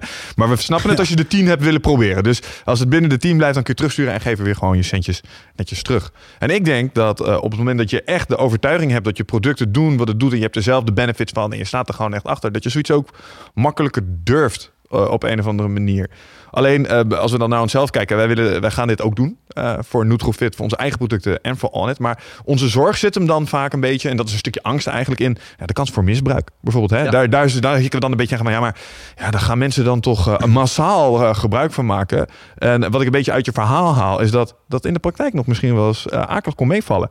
Zeker, en dat Ja. misbruik moet je gewoon incalculeren. Dat Mm. gebeurt. Ja? Ehm, ik, ik zou dan wel heel interessant eh, vinden om de productmanager, man of vrouw van, eh, van Activia eens te benaderen, te bellen en te mailen. En te zeggen, nou, wij zijn zo verschrikkelijk benieuwd naar hoe gaat dat nou bij jullie? Ja. Mensen krijgen hun geld terug van zeven verpakkingen als ze het niks vinden na een week. En die hoeven alleen maar te zeggen, ik vond niks. Ja. En, en dat vind ik wel heel interessant. Je haalt iets in de supermarkt en daar krijg je gewoon de centen terug. Ja. Ehm, levert dat nou voor jullie enorme schadeposten op? Of zeggen jullie van, nou nee, er zijn natuurlijk wel mensen die er misbruik van maken. Maar Ja. op het totaal, Dat het beperkt zijn, ja. ik denk dat men het anders niet zou doen. Ja, Dat denk ik ook. Je hebt natuurlijk altijd een beetje van die, eh, ik weet niet of het echt zo is, maar van die, eh, zo- zo'n, eh, van die grote chipsfabrikanten die je dan kan sturen van, joh, er zat een dode muis in mijn zak chips, dat je dan meteen een doos chips thuis Ja, gestuurd ja, krijgt. dat soort ja, verhalen, ja, ja, da- zo moet je dat doen. weet je Ja. wel, er dan zat een dode muis in mijn potje Alpha Brain. Ja. Mooi. Maar vorige week, eh eh, Julia en ik waren een lang weekend in Rotterdam. En ehm, ja, Amstel Radler, Radler, dat schijnt dan weer zo'n nieuw product te zijn. Ja. Ja, dat werd aan de lopende band uitgedeeld op straat. Mhm. En dan denk ik, ja, je kunt diezelfde euro's ook steken in een commercial op tv. Mhm. Maar dan denk ik, en, en dan kun je zeggen dat gaat harder met honderdduizenden consumenten tegelijk dan dat je daar op de lijnbaan die dingen staat uit te delen. Maar ja, ik denk uiteindelijk toch dat dat meer overtuigt. Mensen Ja. dat meegeven, thuis, s'avonds proeven. En de, de volgende dag zeggen van de supermarkt aan, brengen ze toch zo'n zo'n treetje mee. Ja. Dan denk ik uiteindelijk dat dat meer brengt. Want die mensen, als het product goed is, spreken dan weer met de familie die op bezoek komt. En ik heb ook nog iets anders voor je, alcoholvrij. Wat is dat dan? Nou ja, Ja. die proeven dat en denk, hé, hey, kan ik wel eens meebrengen. Ja. Maar dan gaat er zo'n soort effect ontstaan.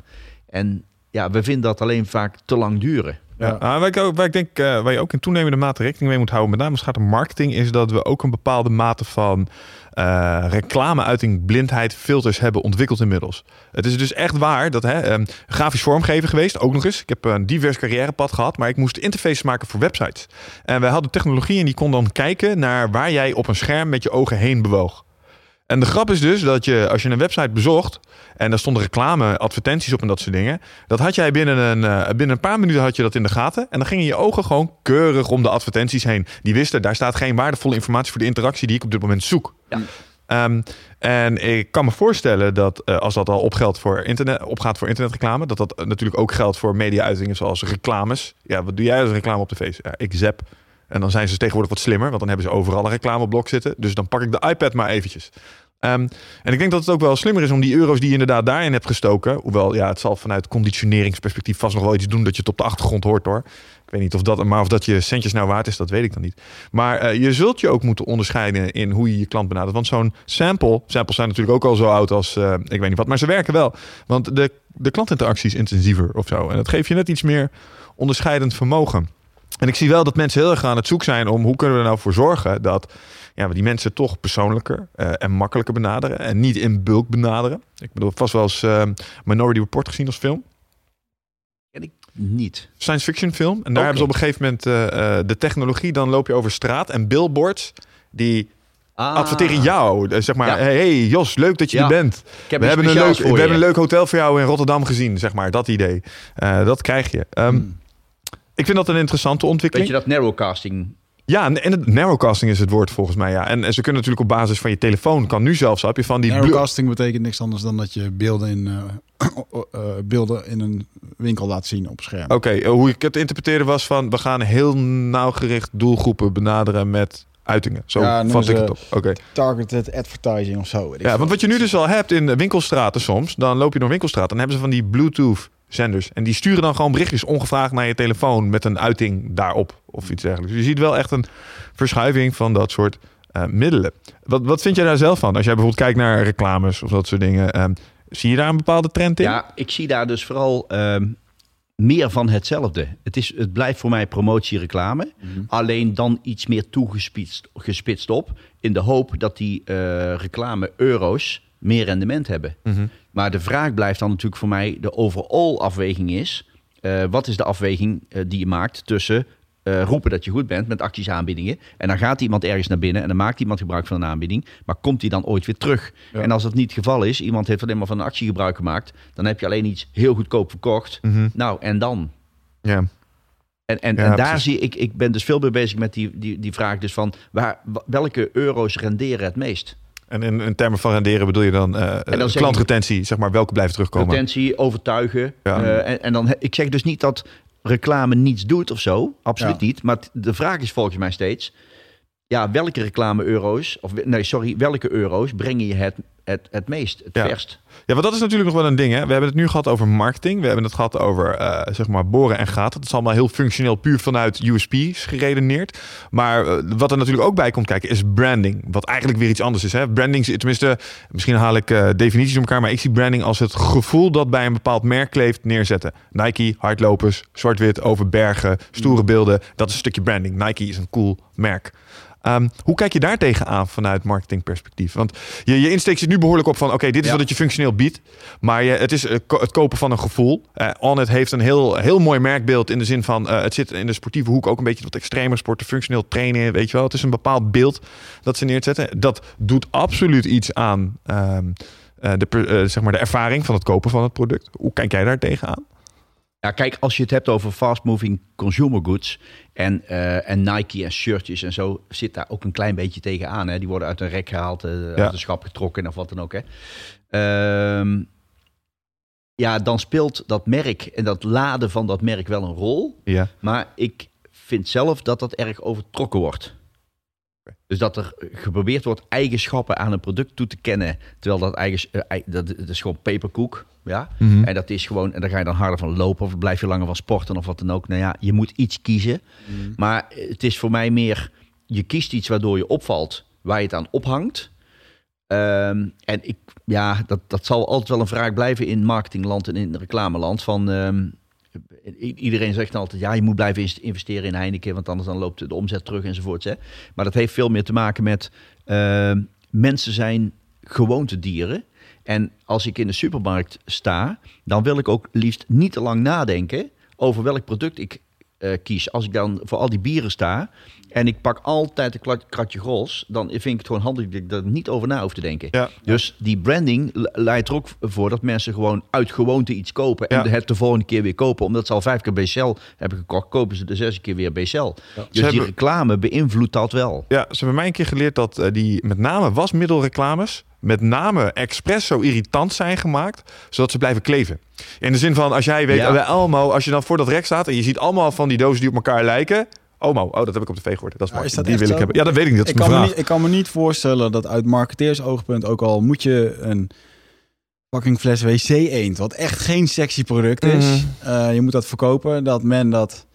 Hoe zou je het dan anders brengen, weet je? Want het moet een serieus product zijn en het is, ja... Ik Ja, maar het is onmiskenbaar dat sommige reclames echt gebruik maken van jingles. Zeg maar, eh, het, je merk op zo'n manier zeg Ja. maar, auditief brengen dat het blijft plakken. Ja. Ja, dat doe je ook eh, met een reden. Tuurlijk, dat is om, om, hè, om die herinneringsfactor. Ja, Maar ehm, Ja, het wordt dan al snel geroepen van eh, ja, maar ook irritante reclame werkt. Want eh je kunt beter irriteren dan niet opvallen. Ja, dat is misschien wel waar, maar volgens mij kun je ook beter gewoon aantrekkelijk zijn dan irriteren. Ja. Als je toch op wil vallen. Ja. Ja, alleen soms dan eh, ergeren mensen zich. Een beetje een zwarte bot eigenlijk. ja, dan wordt dat verkocht als zijnde van ja, nee, er is over nagedacht. Want ze, ze irriteren bewust. Hè. Wij kennen allemaal die Zalando en zo, van die hele domme. Ja, dan denk ik van, natuurlijk bereik je er wel iets mee. Ja. Maar ik denk dat je meer zou bereiken als mensen het wauw vinden. Want we weten vinden. het wel waar we het over hebben. Als je zegt Zalando, dan denk je weer aan die suffe gast met die pet voor de deur, weet je wel? Dat, ja. ja. Maar het, het komt volgens mij er gewoon op neer dat het mag gewoon geen geld kosten. Er zijn al eh, commercials dan gemaakt in Duitsland of in, in Amerika. En die, worden worden gewoon nagesynchroniseerd en klaar. En dat kost gewoon niks. Ja. Ja, en dan wordt er vervolgens bij gezegd... nee, maar het irriteert wel, maar dat maakt niet uit, want... Ja. Ja, En dan moeten we even terugkomen op jouw, eh, ehm, bijvoorbeeld zo'n Zalando. Ik kom dan, eh, eh, we zitten voornamelijk in de fashion en retail met onze social media. En die retailers zitten allemaal te stijgen, want natuurlijk allemaal paniek. Hè, want vroeger we een boutique en waren we de enige. En nu komt er in één keer een Zalando en er wordt zoveel geld in gepompt. En Zalando is alleen maar korting, korting, korting. Maar daar gaan we het niet van winnen als eh, normale ondernemers. Daar heb je een boek over geschreven. Geef nooit korting. Vond ik ook wel een hele sterke. Mm. Vooral eh, met een stickertje erop van, eh, van 1745 voor 1945, voor 1995 volgens mij. Dus ehm, wat is jouw mening over korting geven? In deze situatie van een Zalando versus die, eh, dat soort ondernemers? nou, we moeten natuurlijk uit elkaar halen... dat goedkoper zijn is niet hetzelfde als korting geven. Dus als, als je op internet dingen goedkoop kunt kopen... Ehm, dan is dat wat anders als eh, normaal is het dit en nu is het dat. Ehm, want dan heb je gewoon verschillende partijen waarbij de een goedkoper is dan de ander. Ehm, kijk, als het gaat om korting. Mijn opvatting is, consumenten, mensen in zijn algemeenheid, hebben een, te hekel, hebben een hekel aan te veel betalen. Ja. Als je het gevoel hebt, ik betaal hier te veel, dan voelt dat heel slecht. Mhm. Dus bijvoorbeeld je koopt iets, je bent er blij mee. En een week later verlaagt ineens dat bedrijf zijn prijs voor wat je hebt gekocht vorige week. Nou, dan, dan baal je. Dan denk je, wat verdorie. Ja. En dat betekent dus dat het meer gaat om het gevoel wat mensen hebben van betaal ik niet te veel, dan dat ze per se korting willen. Want heel veel consumenten die vragen bijvoorbeeld ook in allerlei winkels en zaken en, en modezaken om korting. Waarom? Ja, omdat ze denken dat moet je blijkbaar vragen, want anders betaal je waarschijnlijk te veel. Ja, Ja, ik doe het uit sport, zelfs. Niet altijd. oké. de- Maar als ja. ik meerdere dingen koop, en dan vind ik het ook gewoon leuk hoe dat de reactie is van zo'n... Want soms, ik, ik herken dat ik... Oké, hier moet ik wat in herkennen dat ik soms misbruik maak van eh, eh, gewoon daar druk op leggen. Gewoon, Ja. wil krijg ik korting en dan kijk ik hem strak aan. En dan eh, reageert hij een beetje onwennig. En dan eh, heeft hij een soort van, ah, dat doen we eigenlijk niet. Ja, Ja, maar dat is ook best wel- Dat doen we ook een beetje het eigenlijk spel, niet. hè. Het mag eigenlijk niet. Maar... Ja, we doen het Ja, maar dus het wel. is ook eigenlijk heel ongebruikelijk in Nederland. Ja, we doen het dus wel. Ja, dat, ja, daar heb ik dan eigenlijk nog nooit over nagedacht. Maar inderdaad, maar dat vind ik dan mooi. Hoe iemand dan ongemakkelijk raakt. En ik vind het ook eh, fantastisch, die psychologie erachter. Dat iemand zich een soort van aangevallen voelt. Van ja, nee, hoezo? Maar je, wil, je wilde toch alles al kopen? Hè? En als hij gewoon nee had gezegd, dan reken ik gewoon af. Want ik sta al met mijn pimpels in mijn hand. En toch zie je in één keer dat blosje op die wangen. En eh, een soort van ongemakkelijk. Het zweet Ja, het is niet. sociaal een ongemakkelijke situatie. En ja. dan, eh ah joh, kom op, weet je. ja, Doe dan. Oké, oké. Vrienden, schrijf maar op. 10% vriendenkorting. Nou, oké. Schijnbaar zijn we vrienden, weet je ja, wel. dat is toch mooi? Ja, ik vind dat mooi inderdaad. Maar ik leer ondernemers, dus juist, en, en, en medewerkers, verkopers, om eh, hiermee om te gaan. Mm. Omdat er steeds meer mensen zijn zoals jij, die denken, als ik er niet over begin, dan, dan haal ik gewoon te het veel. Maar Ja. ik vind dat wel grappig, want ik heb zelf ook wel eens korting gegeven op een hè, coachingstraject bijvoorbeeld. Heb je een offerte geschreven en dan zeg je, eh, oké, ik ben startend.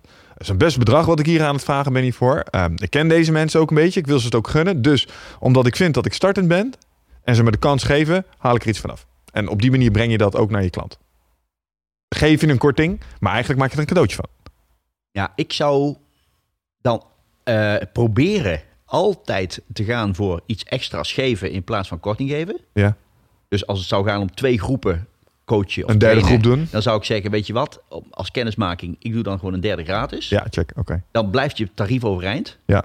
En als je al vindt dat je het dan toch moet doen met korting, dan zou ik in ieder geval altijd op facturen en in offertes eh 100% bedrag eh, schrijven. Ja, En daar dan eh, iets van afdoen en schrijven, dit is kennismakingskorting. ja. En vanaf de volgende eh coaching sessie geldt dit tarief. Want met dat je dat zegt, dat is inderdaad precies de valkuil waar ik de eerste keer dat ik het op die manier deed ook inliep. De verwachting was plots, dit is je standaard tarief voor je Ja, dienst. Eh, nee, ik laatst heb je een korting gegeven.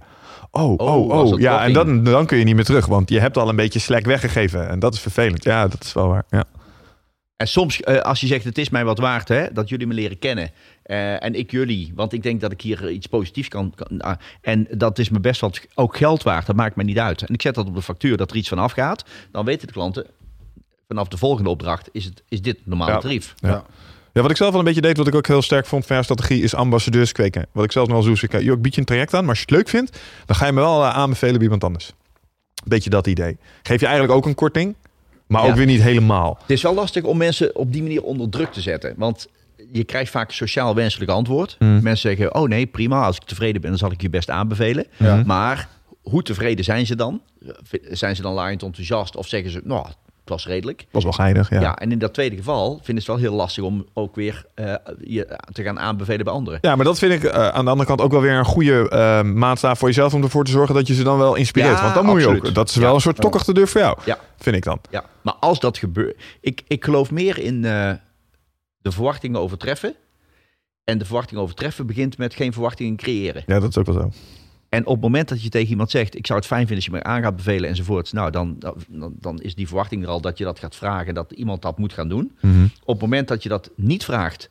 en iemand gaat je bij een ander aanbevelen... en je gaat een ander later bedanken... omdat hij jou heeft aanbevelen, bevolen... terwijl, hij, terwijl je dat niet vroeg... Ja. nou, dan gebeurt... dan is wauw, dat is ongelooflijk wat er dan gebeurt.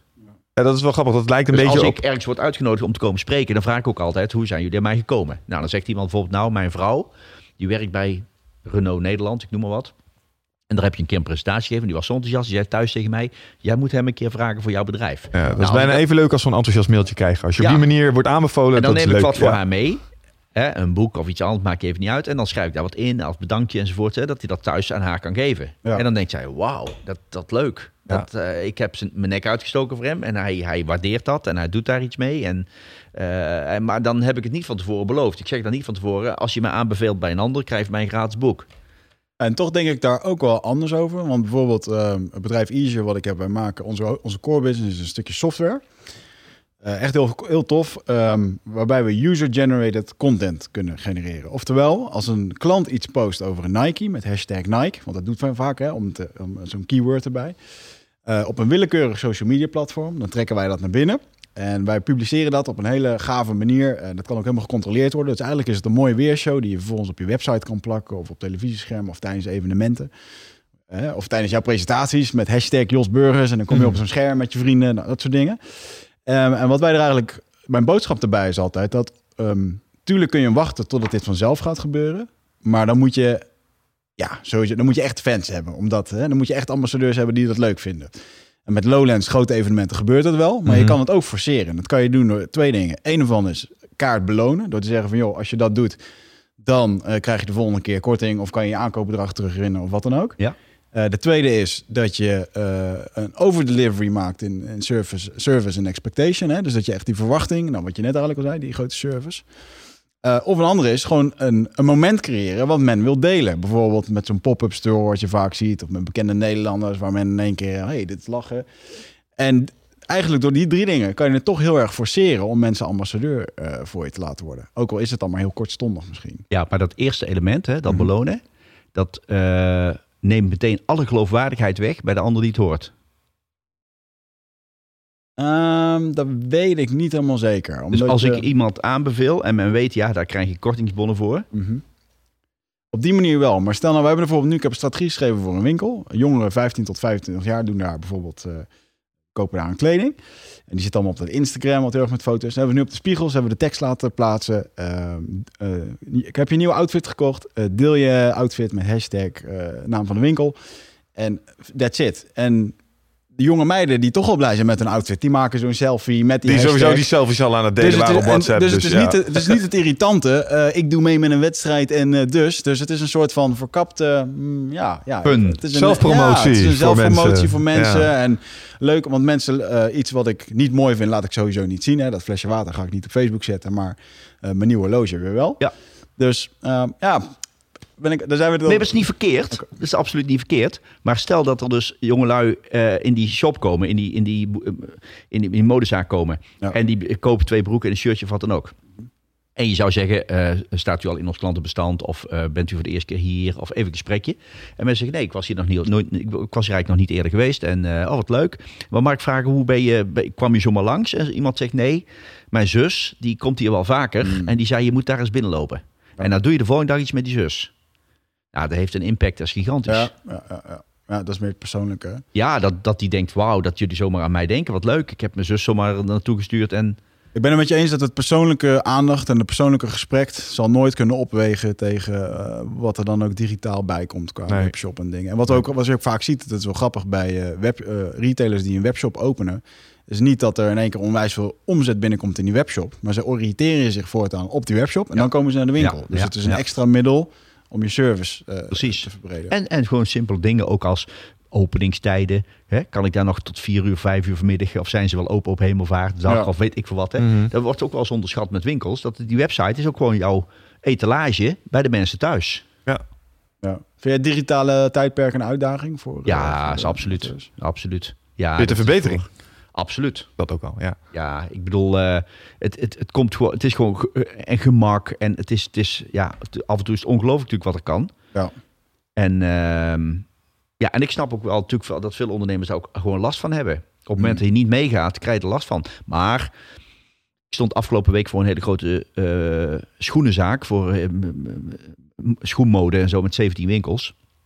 En Je mag hier trouwens gewoon merken noemen Ja, hè, als je mag. wil. Ja, Ja, als je het ja. niet wil, hoeft het niet, maar het mag. ja, snap ik. Snap Want ik. ik, ik zie al een aantal keer heel diplomatiek eromheen. Ja, eh. ik vind soms met opdrachtgevers eh moeilijk Ja, ja, om zo te we. veel met al die namen. Je hoeft het niet te laten omwille van een of andere reclame recht waarbij het niet begrijp mag ik. of zo. Nee, Dus, eh, begrijp ik. eh, begrijp ik, Michel. En Hoe meer merknamen hier genoemd worden, hoe meer geld wij later kunnen vragen. Dus, doe je ding. Ja. Maar wat, wat je wel ziet is dat er ook een soort kentering is in eh, wat mensen nog op internet willen bestellen en hoe gemakkelijk dat het is ten opzichte van een winkel. Dus het, lijkt natuurlijk fantastisch. Vijf paar schoenen bestellen of zes paar bij Zalando en ze allemaal thuis eh, proberen en dan er vijf terugsturen van de zes. Ja. Maar stel dat ze alle zes niet passen of dat je niet mooi vindt, dan ben je dus stuur ze alle zes weer terug. Ja. Dan heb je niet van, wauw, dit was een geweldige ervaring. Zeg, zes binnengekregen en weer zes allemaal ingepakt, weer terug en allemaal weer eh, opgestuurd en zo. Nee, dan, dan denk je, jongens, wat waardeloos is dit. Ja. En wat je dus, er zijn nu zelfs al internetbedrijven, in Amerika, ik geloof niet dat het in Nederland gebeurt, die sturen dus couriers met pakjes, met een pashokje erbij, dat mensen ter plekke kunnen passen. En dan kunnen ze dus wat niet past en niet goed is, kunnen ze meteen weer teruggeven aan die, aan die courier. Dan hoeven ze dus niet speciaal weer terug te sturen. Maar toen, toen ik dat hoorde, dacht ik van, het is bijna een winkel. Stel je die baan voor. Stel je voor dat dat je werk is. Ah, ja, dat, dat is dus wat ik het net had over. Die, die, die tweede regel dat je een overdelivery maakt, de service en expectation. Dat is dus dat je een cadeautje krijgt. Wat gewoon, eh, bijvoorbeeld de Cloakroom doet ook zoiets. Dat is gewoon een, eh, een internetbedrijf eh, waar je herenkleding kan kopen. En als jij dan een overhemdje en een polootje eh, bestelt, dan vouwen ze die polo netjes, of die, dat hemdje doen ze netjes in die polo, dat het mooi eruit ziet. Handgeschreven briefje erbij. Ja. Oh ja. Ja, dat is een heel ander eh, verhaal dan dat je weer de Zalando-doos krijgt waar tien van die dingen ingegooid zijn en eh, de deur uit, weet Ja. je wel? Merkbeleving, hè? Maar wat je dus nu eh, in toenemende mate ziet, hè, dat mensen denken van ja, ze kunnen wel met een pashokje bij mij thuiskomen, maar dan kan ik onderhand net zo goed weer even hier de stad in gaan en even gewoon een winkel, daar hebben ze gewoon een pashokje. Mhm. Dus de kans ook groot dat ik echt een paar schoenen vind of zo, of, of een, eh, een shirtje of een blouse wat ik, wat ik leuk vind. En wat je dus nu ziet is er een soort kentering ontstaat weer van ja, het lijkt allemaal wel leuk. Maar het houdt ook een keertje op. Het is misschien ook wel leuk om gewoon naar een schoenenzaak te gaan. En thuis te komen met gewoon een paar schoenen die en leuk zijn en goed zitten. In plaats van allemaal dat heen en weer sturen. Dus eh, ja, daar was een beetje een, een getal van 70-30. Van ehm, die 30% gaat via internet en 70% gaat dan via winkels. Ja. En natuurlijk moet je allebei hebben. Hè. Je moet ook een shop hebben en noem maar op. Mhm. Hè. Maar eh, het, het, het, houdt, het stopt nu een klein beetje. De, het Het is einde niet meer in links of rechts. Het is niet meer straks van 10 nog in winkel Nee. en 90% via internet. Nee, maar dat is ook omdat het nieuw was om het op die manier te kunnen doen natuurlijk. en, en je moest eraan wennen en nu komen we erachter dat sommige dingen helemaal niet handig zijn om te Ja. kopen over het internet. En dat moesten we leren. En daar gaan we weer allerlei tussenoplossingen op vinden. Wat ik, wel, ik vond wel leuk om te horen wat je zei over dat pashokje thuis. Ik zou er zelf waarschijnlijk een grote camper van maken of zo, die dan in je straat stopt. Ja. Kun je nog een paar eh, extra kleren meenemen ook, weet je wel? Zoiets. Maar ja, nee, ik snap wel dat daar weer allerlei interessante tussenoplossingen uit gaan komen, die we nu nog helemaal niet voorzien. Maar aan de andere kant, nu gaan we nog geheel onterecht uit van, eh, waarom is dat zo vervelend? Eh, je pakketjes terugsturen, nou dan gaan er weer twee werkdagen overheen. Maar dat is omdat we uitgaan van oude limitaties die waarschijnlijk binnen nu en vijf jaar opgeheven zijn. Op het moment dat Amazon met die eh, drones aan de slag gaat, Ja. eh, dan kan het maar zo zijn dat mijn pakketje binnen twee uur er is. En dan zeg ik ook stuur me even terug. Ik wacht even totdat de nieuwe er is. Ja. En dat het dezelfde dag nog geregeld is. Mm. Maar En dat- uiteindelijk is dat het gemak enzovoort. Hè. Ehm, maar daar staat natuurlijk alweer weer tegenover van... con- concurreer je met een winkel waar Mhm. het fantastisch leuk is om te komen. Ja. En dan krijg je weer de aantrekkelijkheid van die winkel. Dus is men daar bijvoorbeeld ook bezig met je echt helpen? Met als er een maat niet is, dat men zegt, nou die komen Ja. dan nog eventjes later brengen. Want die webshop brengt bij jou ook dingen. Nou, dat gaan wij nu ook doen. Ja. Maar Dus- ja, dat, dat is ook het mooie, hè? want ik denk dat het ook eh, verschilt per consument natuurlijk. Je hebt consumenten die zullen altijd de stad in blijven gaan. Ook al beheersen ze het internet volledig. Die zullen altijd fysiek naar een winkel willen gaan, omdat dat gewoon hun manier van voorkeur is. Dat vinden ze het prettigst om te doen. Ze moeten de dingen aanraken, ze moeten het zien. En in sommige gevallen is dat ook Maar gewoon. je hebt een grote groep ook van beide. Want ik, ik, ik weet dus van die uh, schoenenmodeketen eh, waar ik dus vorige week was, dat uh, uh, die eigenaar had een, een advocaat gesproken uh, uit Rotterdam. En die, nou, die man wat, kocht nu ook de schoenen op internet, maar af en toe ook in de winkel. Dan zei hij, soms heb ik helemaal weinig tijd of wat dan ook. En dan kies ik daar wat uit. Ik weet inmiddels dat dat wel mijn maat is. En dan Mhm. laat ik gewoon van jullie wat schoenen komen. Dus je ziet ook de combi, hè. Het Ja. is ja, bricks en kliks en zo. Ja. Ja. Maar dat is het toch. Nou, wat je natuurlijk ook wel weer ziet, is dat het internet eigenlijk je ook wel weer dwingt om je onderscheidend vermogen in service te gaan pakken. Want prijs is op een gegeven moment. ehm, ja, we- we- dat is wel interessant. Ik heb daar zelf ook nog wel een beetje vragen over. Wij lopen daar zelf ook wel tegenaan. We zijn natuurlijk een webwinkel. Het is heel makkelijk om eh, in eh, prijsoorlogen en, eh, en dat soort dingen verzand te raken. Want ja, voor sommige klanten is het dat wij daadwerkelijk ook een criterium. Want als ik het daar voor 10 kan krijgen en ik kan het daarvoor nou ja, 9 krijgen, dan haal ik het natuurlijk daar waar ik 9 krijg. Tenzij het daar waar ik het voor 10 moet halen, dat daar iets is wat het beter maakt, makkelijker maakt. Ik kan daar tot, ik noem maar wat, eh 10 uur bestellen en dan heb ik het eh, dan in huis. En eh, daar moet ik voor 5 uur bestellen. Zoiets is het. Dus je ziet wel dat bedrijven ook weer worden gedwongen om onderscheidend vermogen en service te gaan leveren, omdat die prijzen zo transparant onder druk worden gezet. Je ziet dat in de autobranche, zie je dat ook heel erg. Ik was laatst in de markt voor een nieuwe auto. Ehm, ja, en die, eh, die autohandelaren, die weten ook prima allemaal wel van elkaar hoe er tegenwoordig geconsumeerd wordt als het gaat om auto's kopen. Iedereen kijkt op het internet natuurlijk. En daar merk je ook, er is gewoon geen onderhandelingsruimte bijna meer. Zeg, ja, er moet nog wat vanaf. Ja, eh, luister, ik weet hoe het werkt. Hij staat er zo goedkoop op als maar kan. Want jij kijkt anders ook bij die andere autodealer. Dus je moet het bij mij hebben van... Nou, dan komt hij met een lijstje met dingen die hij levert... waarom je hem bij hem zou willen kopen. Dus dat is dan ook wel weer het interessante aan internet. Maar dat is ook wel, eh, eh, dat laatste boek van mij, de de Wet van Snuf, gaat ook over dat onderscheidend zijn. Het gaat ook over kleine dingen die je kunt doen in Ja. een zaak, in een winkel, om onderscheidend te zijn. En ehm, Wat zijn daar nou high-impact voorbeelden van? ehm, ik denk dat het de kunst is om elke situatie die zich voordoet te pakken en de, en de kansen te pakken die er zijn. En niet te zeggen, je moet altijd dit, je moet altijd dat. Ah, Eén of twee simpele voorbeelden. Ehm, ik sprak onlangs iemand die kwam me interviewen en die eh, reed, zij reed motor en haar man, vriend ook. En eh, ze gingen vaak van die tripjes maken. En toen zei ze dat ze een keer de Betuwe ergens was bij een restaurantje. Ze hadden daar wat gegeten, gedronken. De pinautomaat werkte niet of zoiets, lag eruit. Hm. En eh, ja, te weinig contant geld. Dus hij stelde voor om even naar het dorp te, te rijden. Ja. Toen kwam die eigenaar naar buiten, die hoorde dat en die zei... nou, eh, weet u wat, hier heeft u mijn visitekaartje en dit is mijn bankrekeningnummer. Boek het maar over. Maak het vanavond gewoon even over. Dan hoef jij niet, ga je niet speciaal voor mij het dorp in. Dat is onzin. Ja. Nou, die mensen dachten, wauw, wat hier gebeurt is Ja, want je geeft vertrouwen. Dat Ja, is gewoon echt een mooi gebouw. Ja, ja. Nou, en toen zeiden ze, zei ze tegen mij, later zijn we nog drie keer terug geweest daar. Want als we een beetje in de buurt eh, gingen rijden, dan zeiden we, oh, we gaan daar eh, even een hapje eten en drinken. Mm. En dan denk ik, je moet op dat moment dus inspelen op die situatie. ja, dus omdat je pinautomaat het niet deed, heb je een klant aan je weten te binden Ja, heb je die nu vier keer erbij. terug... Ja, precies. Ja. Ja. En dan is dus, en nou goed, binnenkort hebben we bijvoorbeeld bloemisten. En dan is de vraag, hè, als iemand de bos bloemen uit heeft uitgezocht en die zijn portemonnee vergeten, Ja. durf je dan die bos bloemen mee te geven? Tegen de klant te zeggen, ik heb zoveel vertrouwen in je. Ik vertrouw gewoon dat je vandaag of uiterlijk morgen terugkomt om af te rekenen. Ja. Nou, en dan zeggen mensen, ja, maar als ze dat dan niet doen, ik zeg, nou, dan ben je die centen gewoon kwijt. Ja, daar, daar heb ik ook niks voor. Daar heb ik ook niks op bedacht of zo. Die ben je gewoon kwijt. Ja. En, eh, maar dan moet je incalculeren. Ja. Dat zijn gewoon promotie. Ja, want dan gaat, zeg maar, het gaat misschien één op de vijf keer gaat het mis, maar die vier keer dat het goed gaat, rendeert. Precies. Dat zorgt ervoor dat je... Ja, Ja. ja, oké. En dus je moet meer de kans pakken. En als iemand met bloemen en die zit met de handen vol boodschappen en de auto staat ver weg, dan zeg je gewoon van weet je wat, ma- mag ik weten waar u woont, dan kom ik hem om een half uur, drie kwartier even nog bij u afgeven, die bloemen. Want die zijn nog niet klaar of die moeten nog worden samengesteld of als iemand haast heeft of wat dan ook. Hè. Ja. Maar speel dus op die situatie in.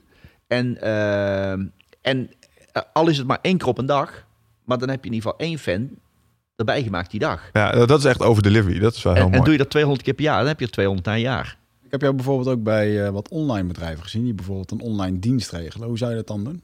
Bijvoorbeeld bij Salesforce heb ik jou eh, een keer een presentatie. Oh ja, nou, dat is- exact hetzelfde verhaal. Want online en offline maakt voor mij geen verschil in Sales, eh, Salesforce overtreffen. is CMS of niet? Of eh, CRM? eh.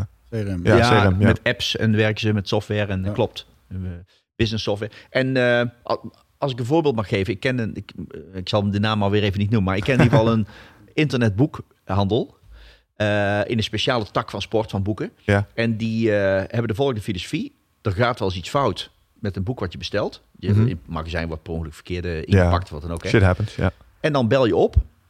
En dan, van, ja, heel vervelend, maar ik heb een boek besteld, krijg je een verkeerde boek binnen. En dan zegt men, buitengewoon vervelend, u hoeft het van ons niet terug te sturen, want dat is allemaal gedoe. Geef het maar gewoon aan iemand waarvan je denkt dat die er een plezier, een plezier mee kunt doen. En dan sturen wij nu vandaag Ja. meteen het nieuwe.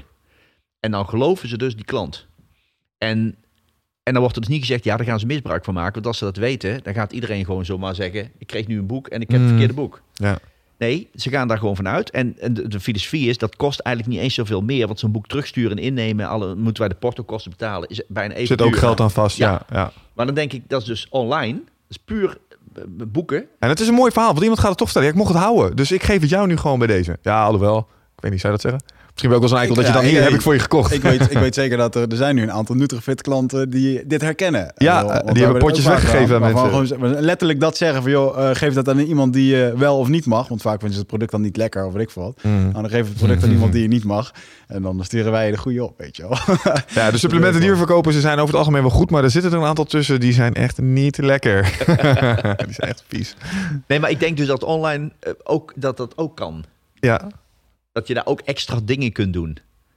Of... ehm, ja, ook, die, die, die, die schoenenzaak heeft bijvoorbeeld ook een grote webshop enzovoort. Hè? Mhm. En daar, daar worden ook gewoon extra dingetjes gedaan. Bijvoorbeeld iets extra's bij de schoenen gedaan. Een keer bij een doosje of wat, met een doosje schoenen iets ingesloten of zo. Ja. En denk je, ja, je kunt best extra dingen doen. En, en nog even los van, eh, in de service sfeer. Toen ik eh, eh, jaren geleden klant werd bij Alex, bij die beleggingssite. ja. Toen mailde ik een keer iets op een zondagmiddag. En toen kreeg ik plotseling gewoon een reactie binnen een half uur met een oplossing. dat had je niet verwacht. Nee, want de meeste bedrijven roepen 24-7. Ja. Maar daarmee bedoelen ze dat je ze mag mailen Ja. in het weekend. Dan, dat noemen ze 24-7. Ja. Maar ze zijn gewoon om vijf uur Nou, het feit dat je verbaasd was dat je een reactie kreeg, dat zegt alles daarover. zegt dus, want dat weet iedereen stiekem wel. Ja. Ja. De meeste van die bedrijven zijn gewoon om vijf uur vertrekt iedereen gewoon. Dan noemen ze dat 24-7. Mhm.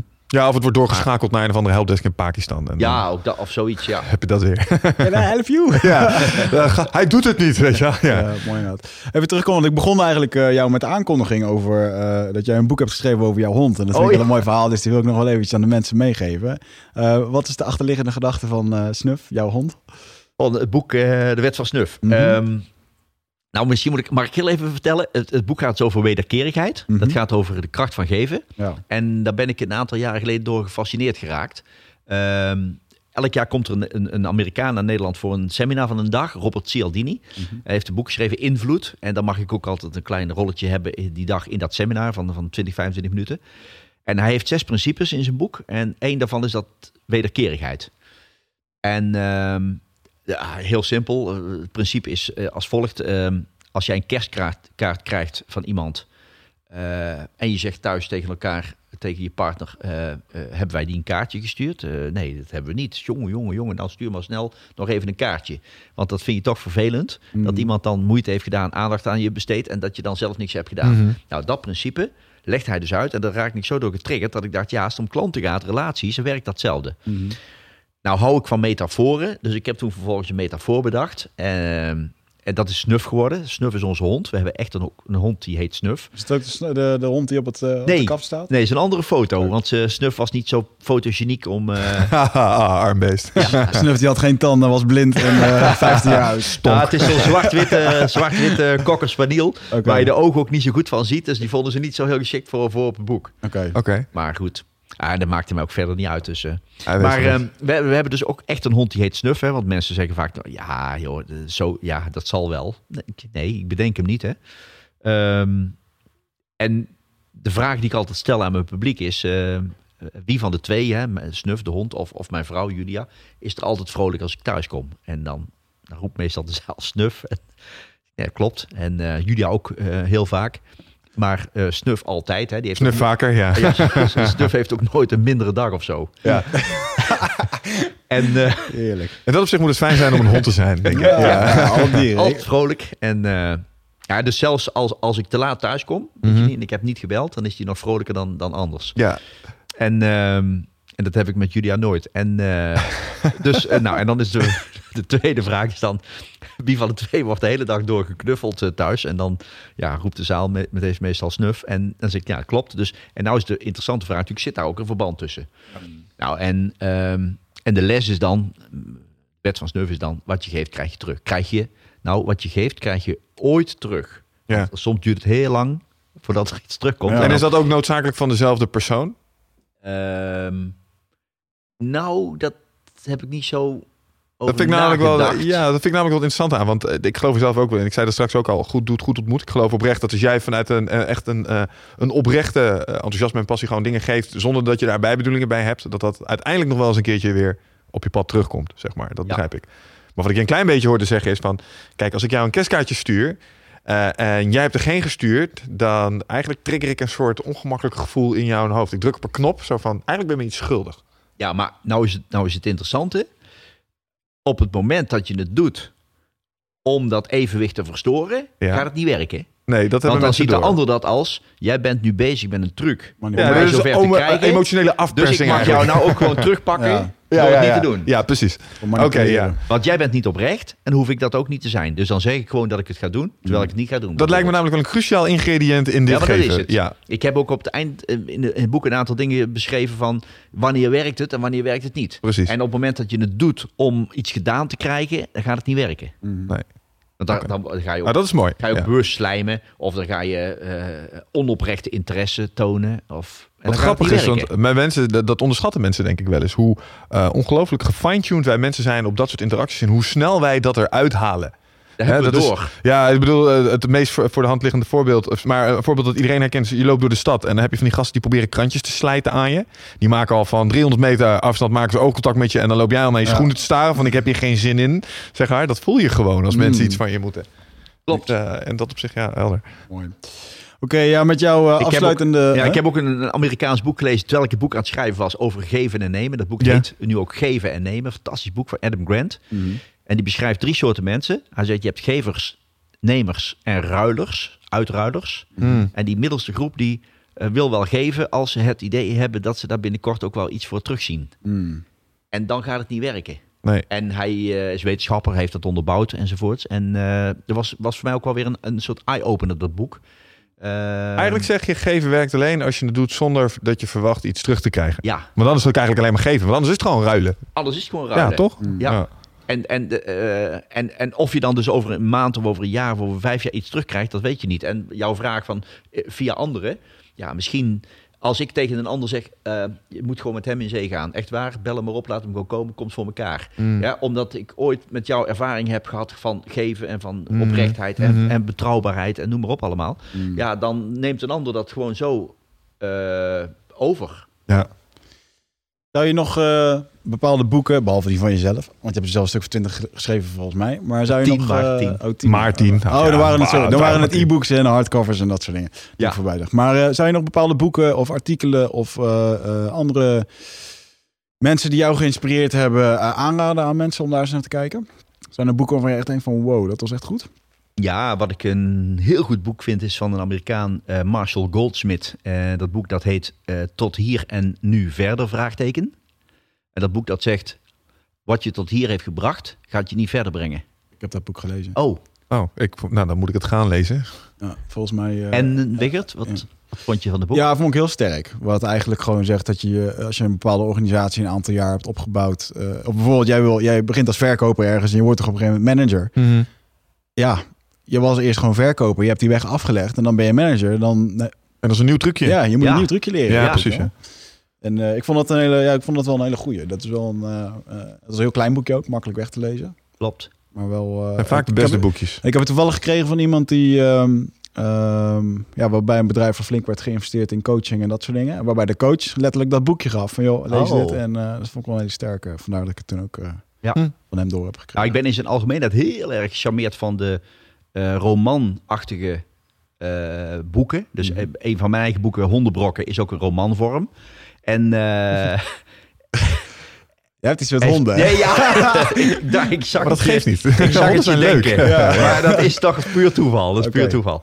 Dat ik die twee dingen los van elkaar heb bedacht. Maar die hondenbrokken gaat over een eigenaar van een dierenspeciaalzaak. Oh. Die denkt elke dag als er klanten, klanten om hondenbrokken komen vragen... dat daar iemand blij van wordt, zal ik maar zeggen. Totdat Mhm. hij ontdekt van, hé, hey, klanten komen voor iets anders. We willen een hond in leven houden. Ja, ze Ja. willen dat die hond goed gaat en eh, die hond, ze willen die hond verwennen en ze willen nou ja, dat hij gezond blijft en ze willen minder dierenartsenkosten en ze willen, nou ja, en Ja. dat gaat hij samen met zijn medewerkers ontdekken. Dat is romanvorm. Ja. Maar in zijn algemeenheid ben ik dus heel erg getriggerd door die romanvorm vorm in boeken. En het blijkt ook dat die boeken heel goed lopen. Dus bij mijn nieuwe boek, waar ik nu komende vakantie over na ga denken, daar zit ik ook nog heel erg te twijfelen. Zal ik daar misschien een romanvorm van Doen, maken? doen, absoluut. Want Ja. een van de krachtigste, dat heb ik dan weer geleerd over communicatie, een van de beste vehicles om boodschappen in te verpakken zijn verhalen. Is een verhaal. Want dat is, en dat Ja. is grappig, want dat heeft te maken met ons evolutionaire verleden. Dat is namelijk hoe wij, nou ja, eeuwen kennisoverdracht deden. Mm. Verhalen. Wij verpakten Klopt. informatie en kennis altijd Ja. in verhalen. En Ja. dat is hoe we elkaar Sprookjes. dingen leerden. Sprookjes, ja. En daar Bijbels. zaten eh, bijbels, ja. dat Zijn ook ja, verhalen. Ja. Krijg ik nu een... eh, Nee, nee, Nee, maar zijn dat, er wel dat, is wel zo, dat is wel zo. Maar waardoor ik ook wel probeerde dus in andere boeken met eh, hoofdstukjes ook wel verhalen steeds te... Ja. Maar één groot verhaal zit ik nu nog steeds aan te denken. Dus er zijn bijvoorbeeld boeken als Het Doel van Goldraad. Vind ik een fantastisch boek. Dat, gaat, dat is een roman. Hm. Eh, boeken als eh, Me- Wie heeft mijn kaas gepikt is zo'n roman. Ehm, Maak een fan van je klant is een roman. Eh, allemaal managementromans. En Ja. die lopen vaak na vijf, zes, zeven jaar nog steeds goed. Ja. Dus daar geloof ik heel erg in. En een boek wat heel veel indruk op mij heeft gemaakt. Ehm, ik weet niet precies de Nederlandse vertaling. Ehm, het boek dat, heet, dat komt neer op The Five Secrets You Have to Know Before You Die. En dat is van de Amerikaan John Izzo. En nou, super interessant experiment. Wat hij heeft gedaan is volgende. Hij zegt, als mensen op vakantie gaan, op reis gaan naar een land waar ze nog nooit zijn geweest... dan gaan ze altijd eh, even op internet of bij mensen vragen... heb je nog Mhm. tips? Mhm. Of hebben ze daar de euro of niet en zo. Ja, ook niet onhandig. Maar het leuke is, als je eh, het leven ziet als een reis, dan is het heel grappig dat mensen gaan gewoon leven. En die gaan niet aan de mensen die de, het leven al achter de rug hebben bijna vragen, heb jij voor mij nog tips? Want ik begin er nou aan. Oh, ja. hmm. Ja, ja. ik heb wel eens een keer zo- iets soortgelijks gelezen dat ze mensen die eh, op een sterfbed eh, lagen vroegen, als je het nu allemaal overnieuw mocht doen, wat zou er dan anders gebeuren Nou, in je leven? zoiets Ja, is dat ja, boek. ja, maar het ja. boek is dan niet sterfbed, maar is, eh, ze hebben 2000 mensen eh, geselecteerd. Mhm. Waarvan de omgeving zei, dat zijn hele wijze mannen en vrouwen.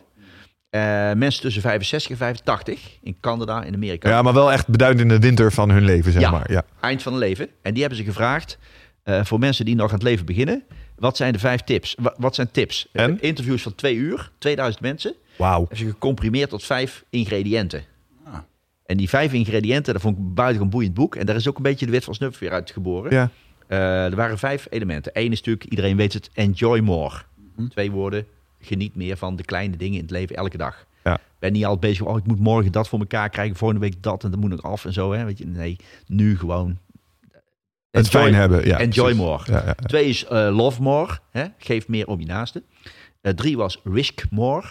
Dus eh, je krijgt aan het einde van je leven alleen maar spijt van de dingen die je niet hebt gedaan. En nooit van de dingen die je hebt gedaan die zijn mislukt. Dan denk je, nou ja, dat hoorde erbij en heb ik ook weer van geleerd. Ja. Maar je krijgt alleen maar spijt van wat je niet hebt gedaan. Dus risk more. Ehm, de vierde was reflect more. Kijk vaker in de spiegel naar jezelf. Mhm. En vraag je vaker af, wat ben ik eigenlijk aan het doen? Waar zijn we in hemelsnaam mee bezig? Precies. Dat was vier. Iedere dag. En vijf, het principe was give more. Ja, mooi. Geef meer onvoorwaardelijk zonder je af te vragen wat ik eraan heb. Gewoon geven. Ja. En dat waren vijf principes. Een heel boeiend boek. En toen, dat stimuleerde mij nog meer om dat boek over de wet van Snuff uit te gaan brengen. Waarin ik dus meer schrijf over hoe moet dat dan, dat geven. Ja. Dat, dat, eh, dat het werkt, dat snappen mensen dan wel. Maar hoe moet het? Ik vind het een eh, krachtige afsluiter. Ik Ja, denk, dat, ik ehm, Ja, ik heel denk mooi. dat de grote boodschap is dat we allemaal wat meer moeten gaan geven. En eh, eh, ik wil jou als eerste bedanken dat je hier eh, wilde komen in de studio. Voor de mensen die jou willen zoeken, ze kunnen jou vinden op josburgers.nl. Kunnen ze jouw boeken nog ergens kopen? Daar ook op die website, uiteraard. Eh, ja, via de website kan en managementboek.nl en bol.com en, en boekwinkels. Binnenkort komt je nieuwe boek uit. Eh, heb je nog andere dingen waar we jou binnenkort kunnen zien? TV-programma's, op podiums, op De Wereld Draait Door? Of, Nee, want ik zit toch niet op zoveel plaatsen. Nee. mooi. Nou, dan gaan we het Ik voorlopig niet vond het geweldig om hier te mogen zitten. Ja, dankjewel. En ik hou van eh, de diepgang en, en de professionaliteit waarmee jullie dit doen. Mooi. Nee, dat, dat meen ik serieus. En eh, dat sprak me meteen aan toen ik het zag. En ehm, ja, ik geloof ook wel in korte, kort, krachtige dingetjes. Hè? Filmpjes op YouTube van drie, minu- vier minuten. Mhm. Maar als iemand nou zegt, nee, ik neem nou eens echt even de tijd in de auto... en ik wil een iPod eh, Ja. beluisteren. Ja. Ja. dan vind ik dit gewoon een eh, heel onderscheidend. Ja. We zijn er ook erg iets. blij mee. Voor- we hebben nu twee uur gehad en je hebt 36 uur materiaal. Dus we kunnen nog, eh, hè? We kunnen nog een aantal van dit soort sessies We kunnen- eh, absoluut we kunnen inplannen. nog 17 van dit soort podcasts vullen met eh, materiaal. Maar, eh, maar leuk. we zouden ik- ons verplaatsen in de luisteraars. Hè? Dus Ja, ik denk dat is niet waar. dat we dat Nee, zouden moeten aandoen. ik zo- ik zou ook Nou, geen ik- 36 uur naar mij Ik hoop in ieder geval dat we er ooit nog een keer bij kunnen betrekken. En eh, dat ergens de paden nog een keer gaan kruisen. Want ik vond het leuk, ik vond het fascinerend. Ja, bedankt voor je En, eh, tijd. je bent Heel een absolute gedaan. marketing eindbaas. Dus bij deze bedankt. En eh, luisteraars, en jullie ook bedankt. Tot, Tot de volgende keer. Ciao. Dankjewel.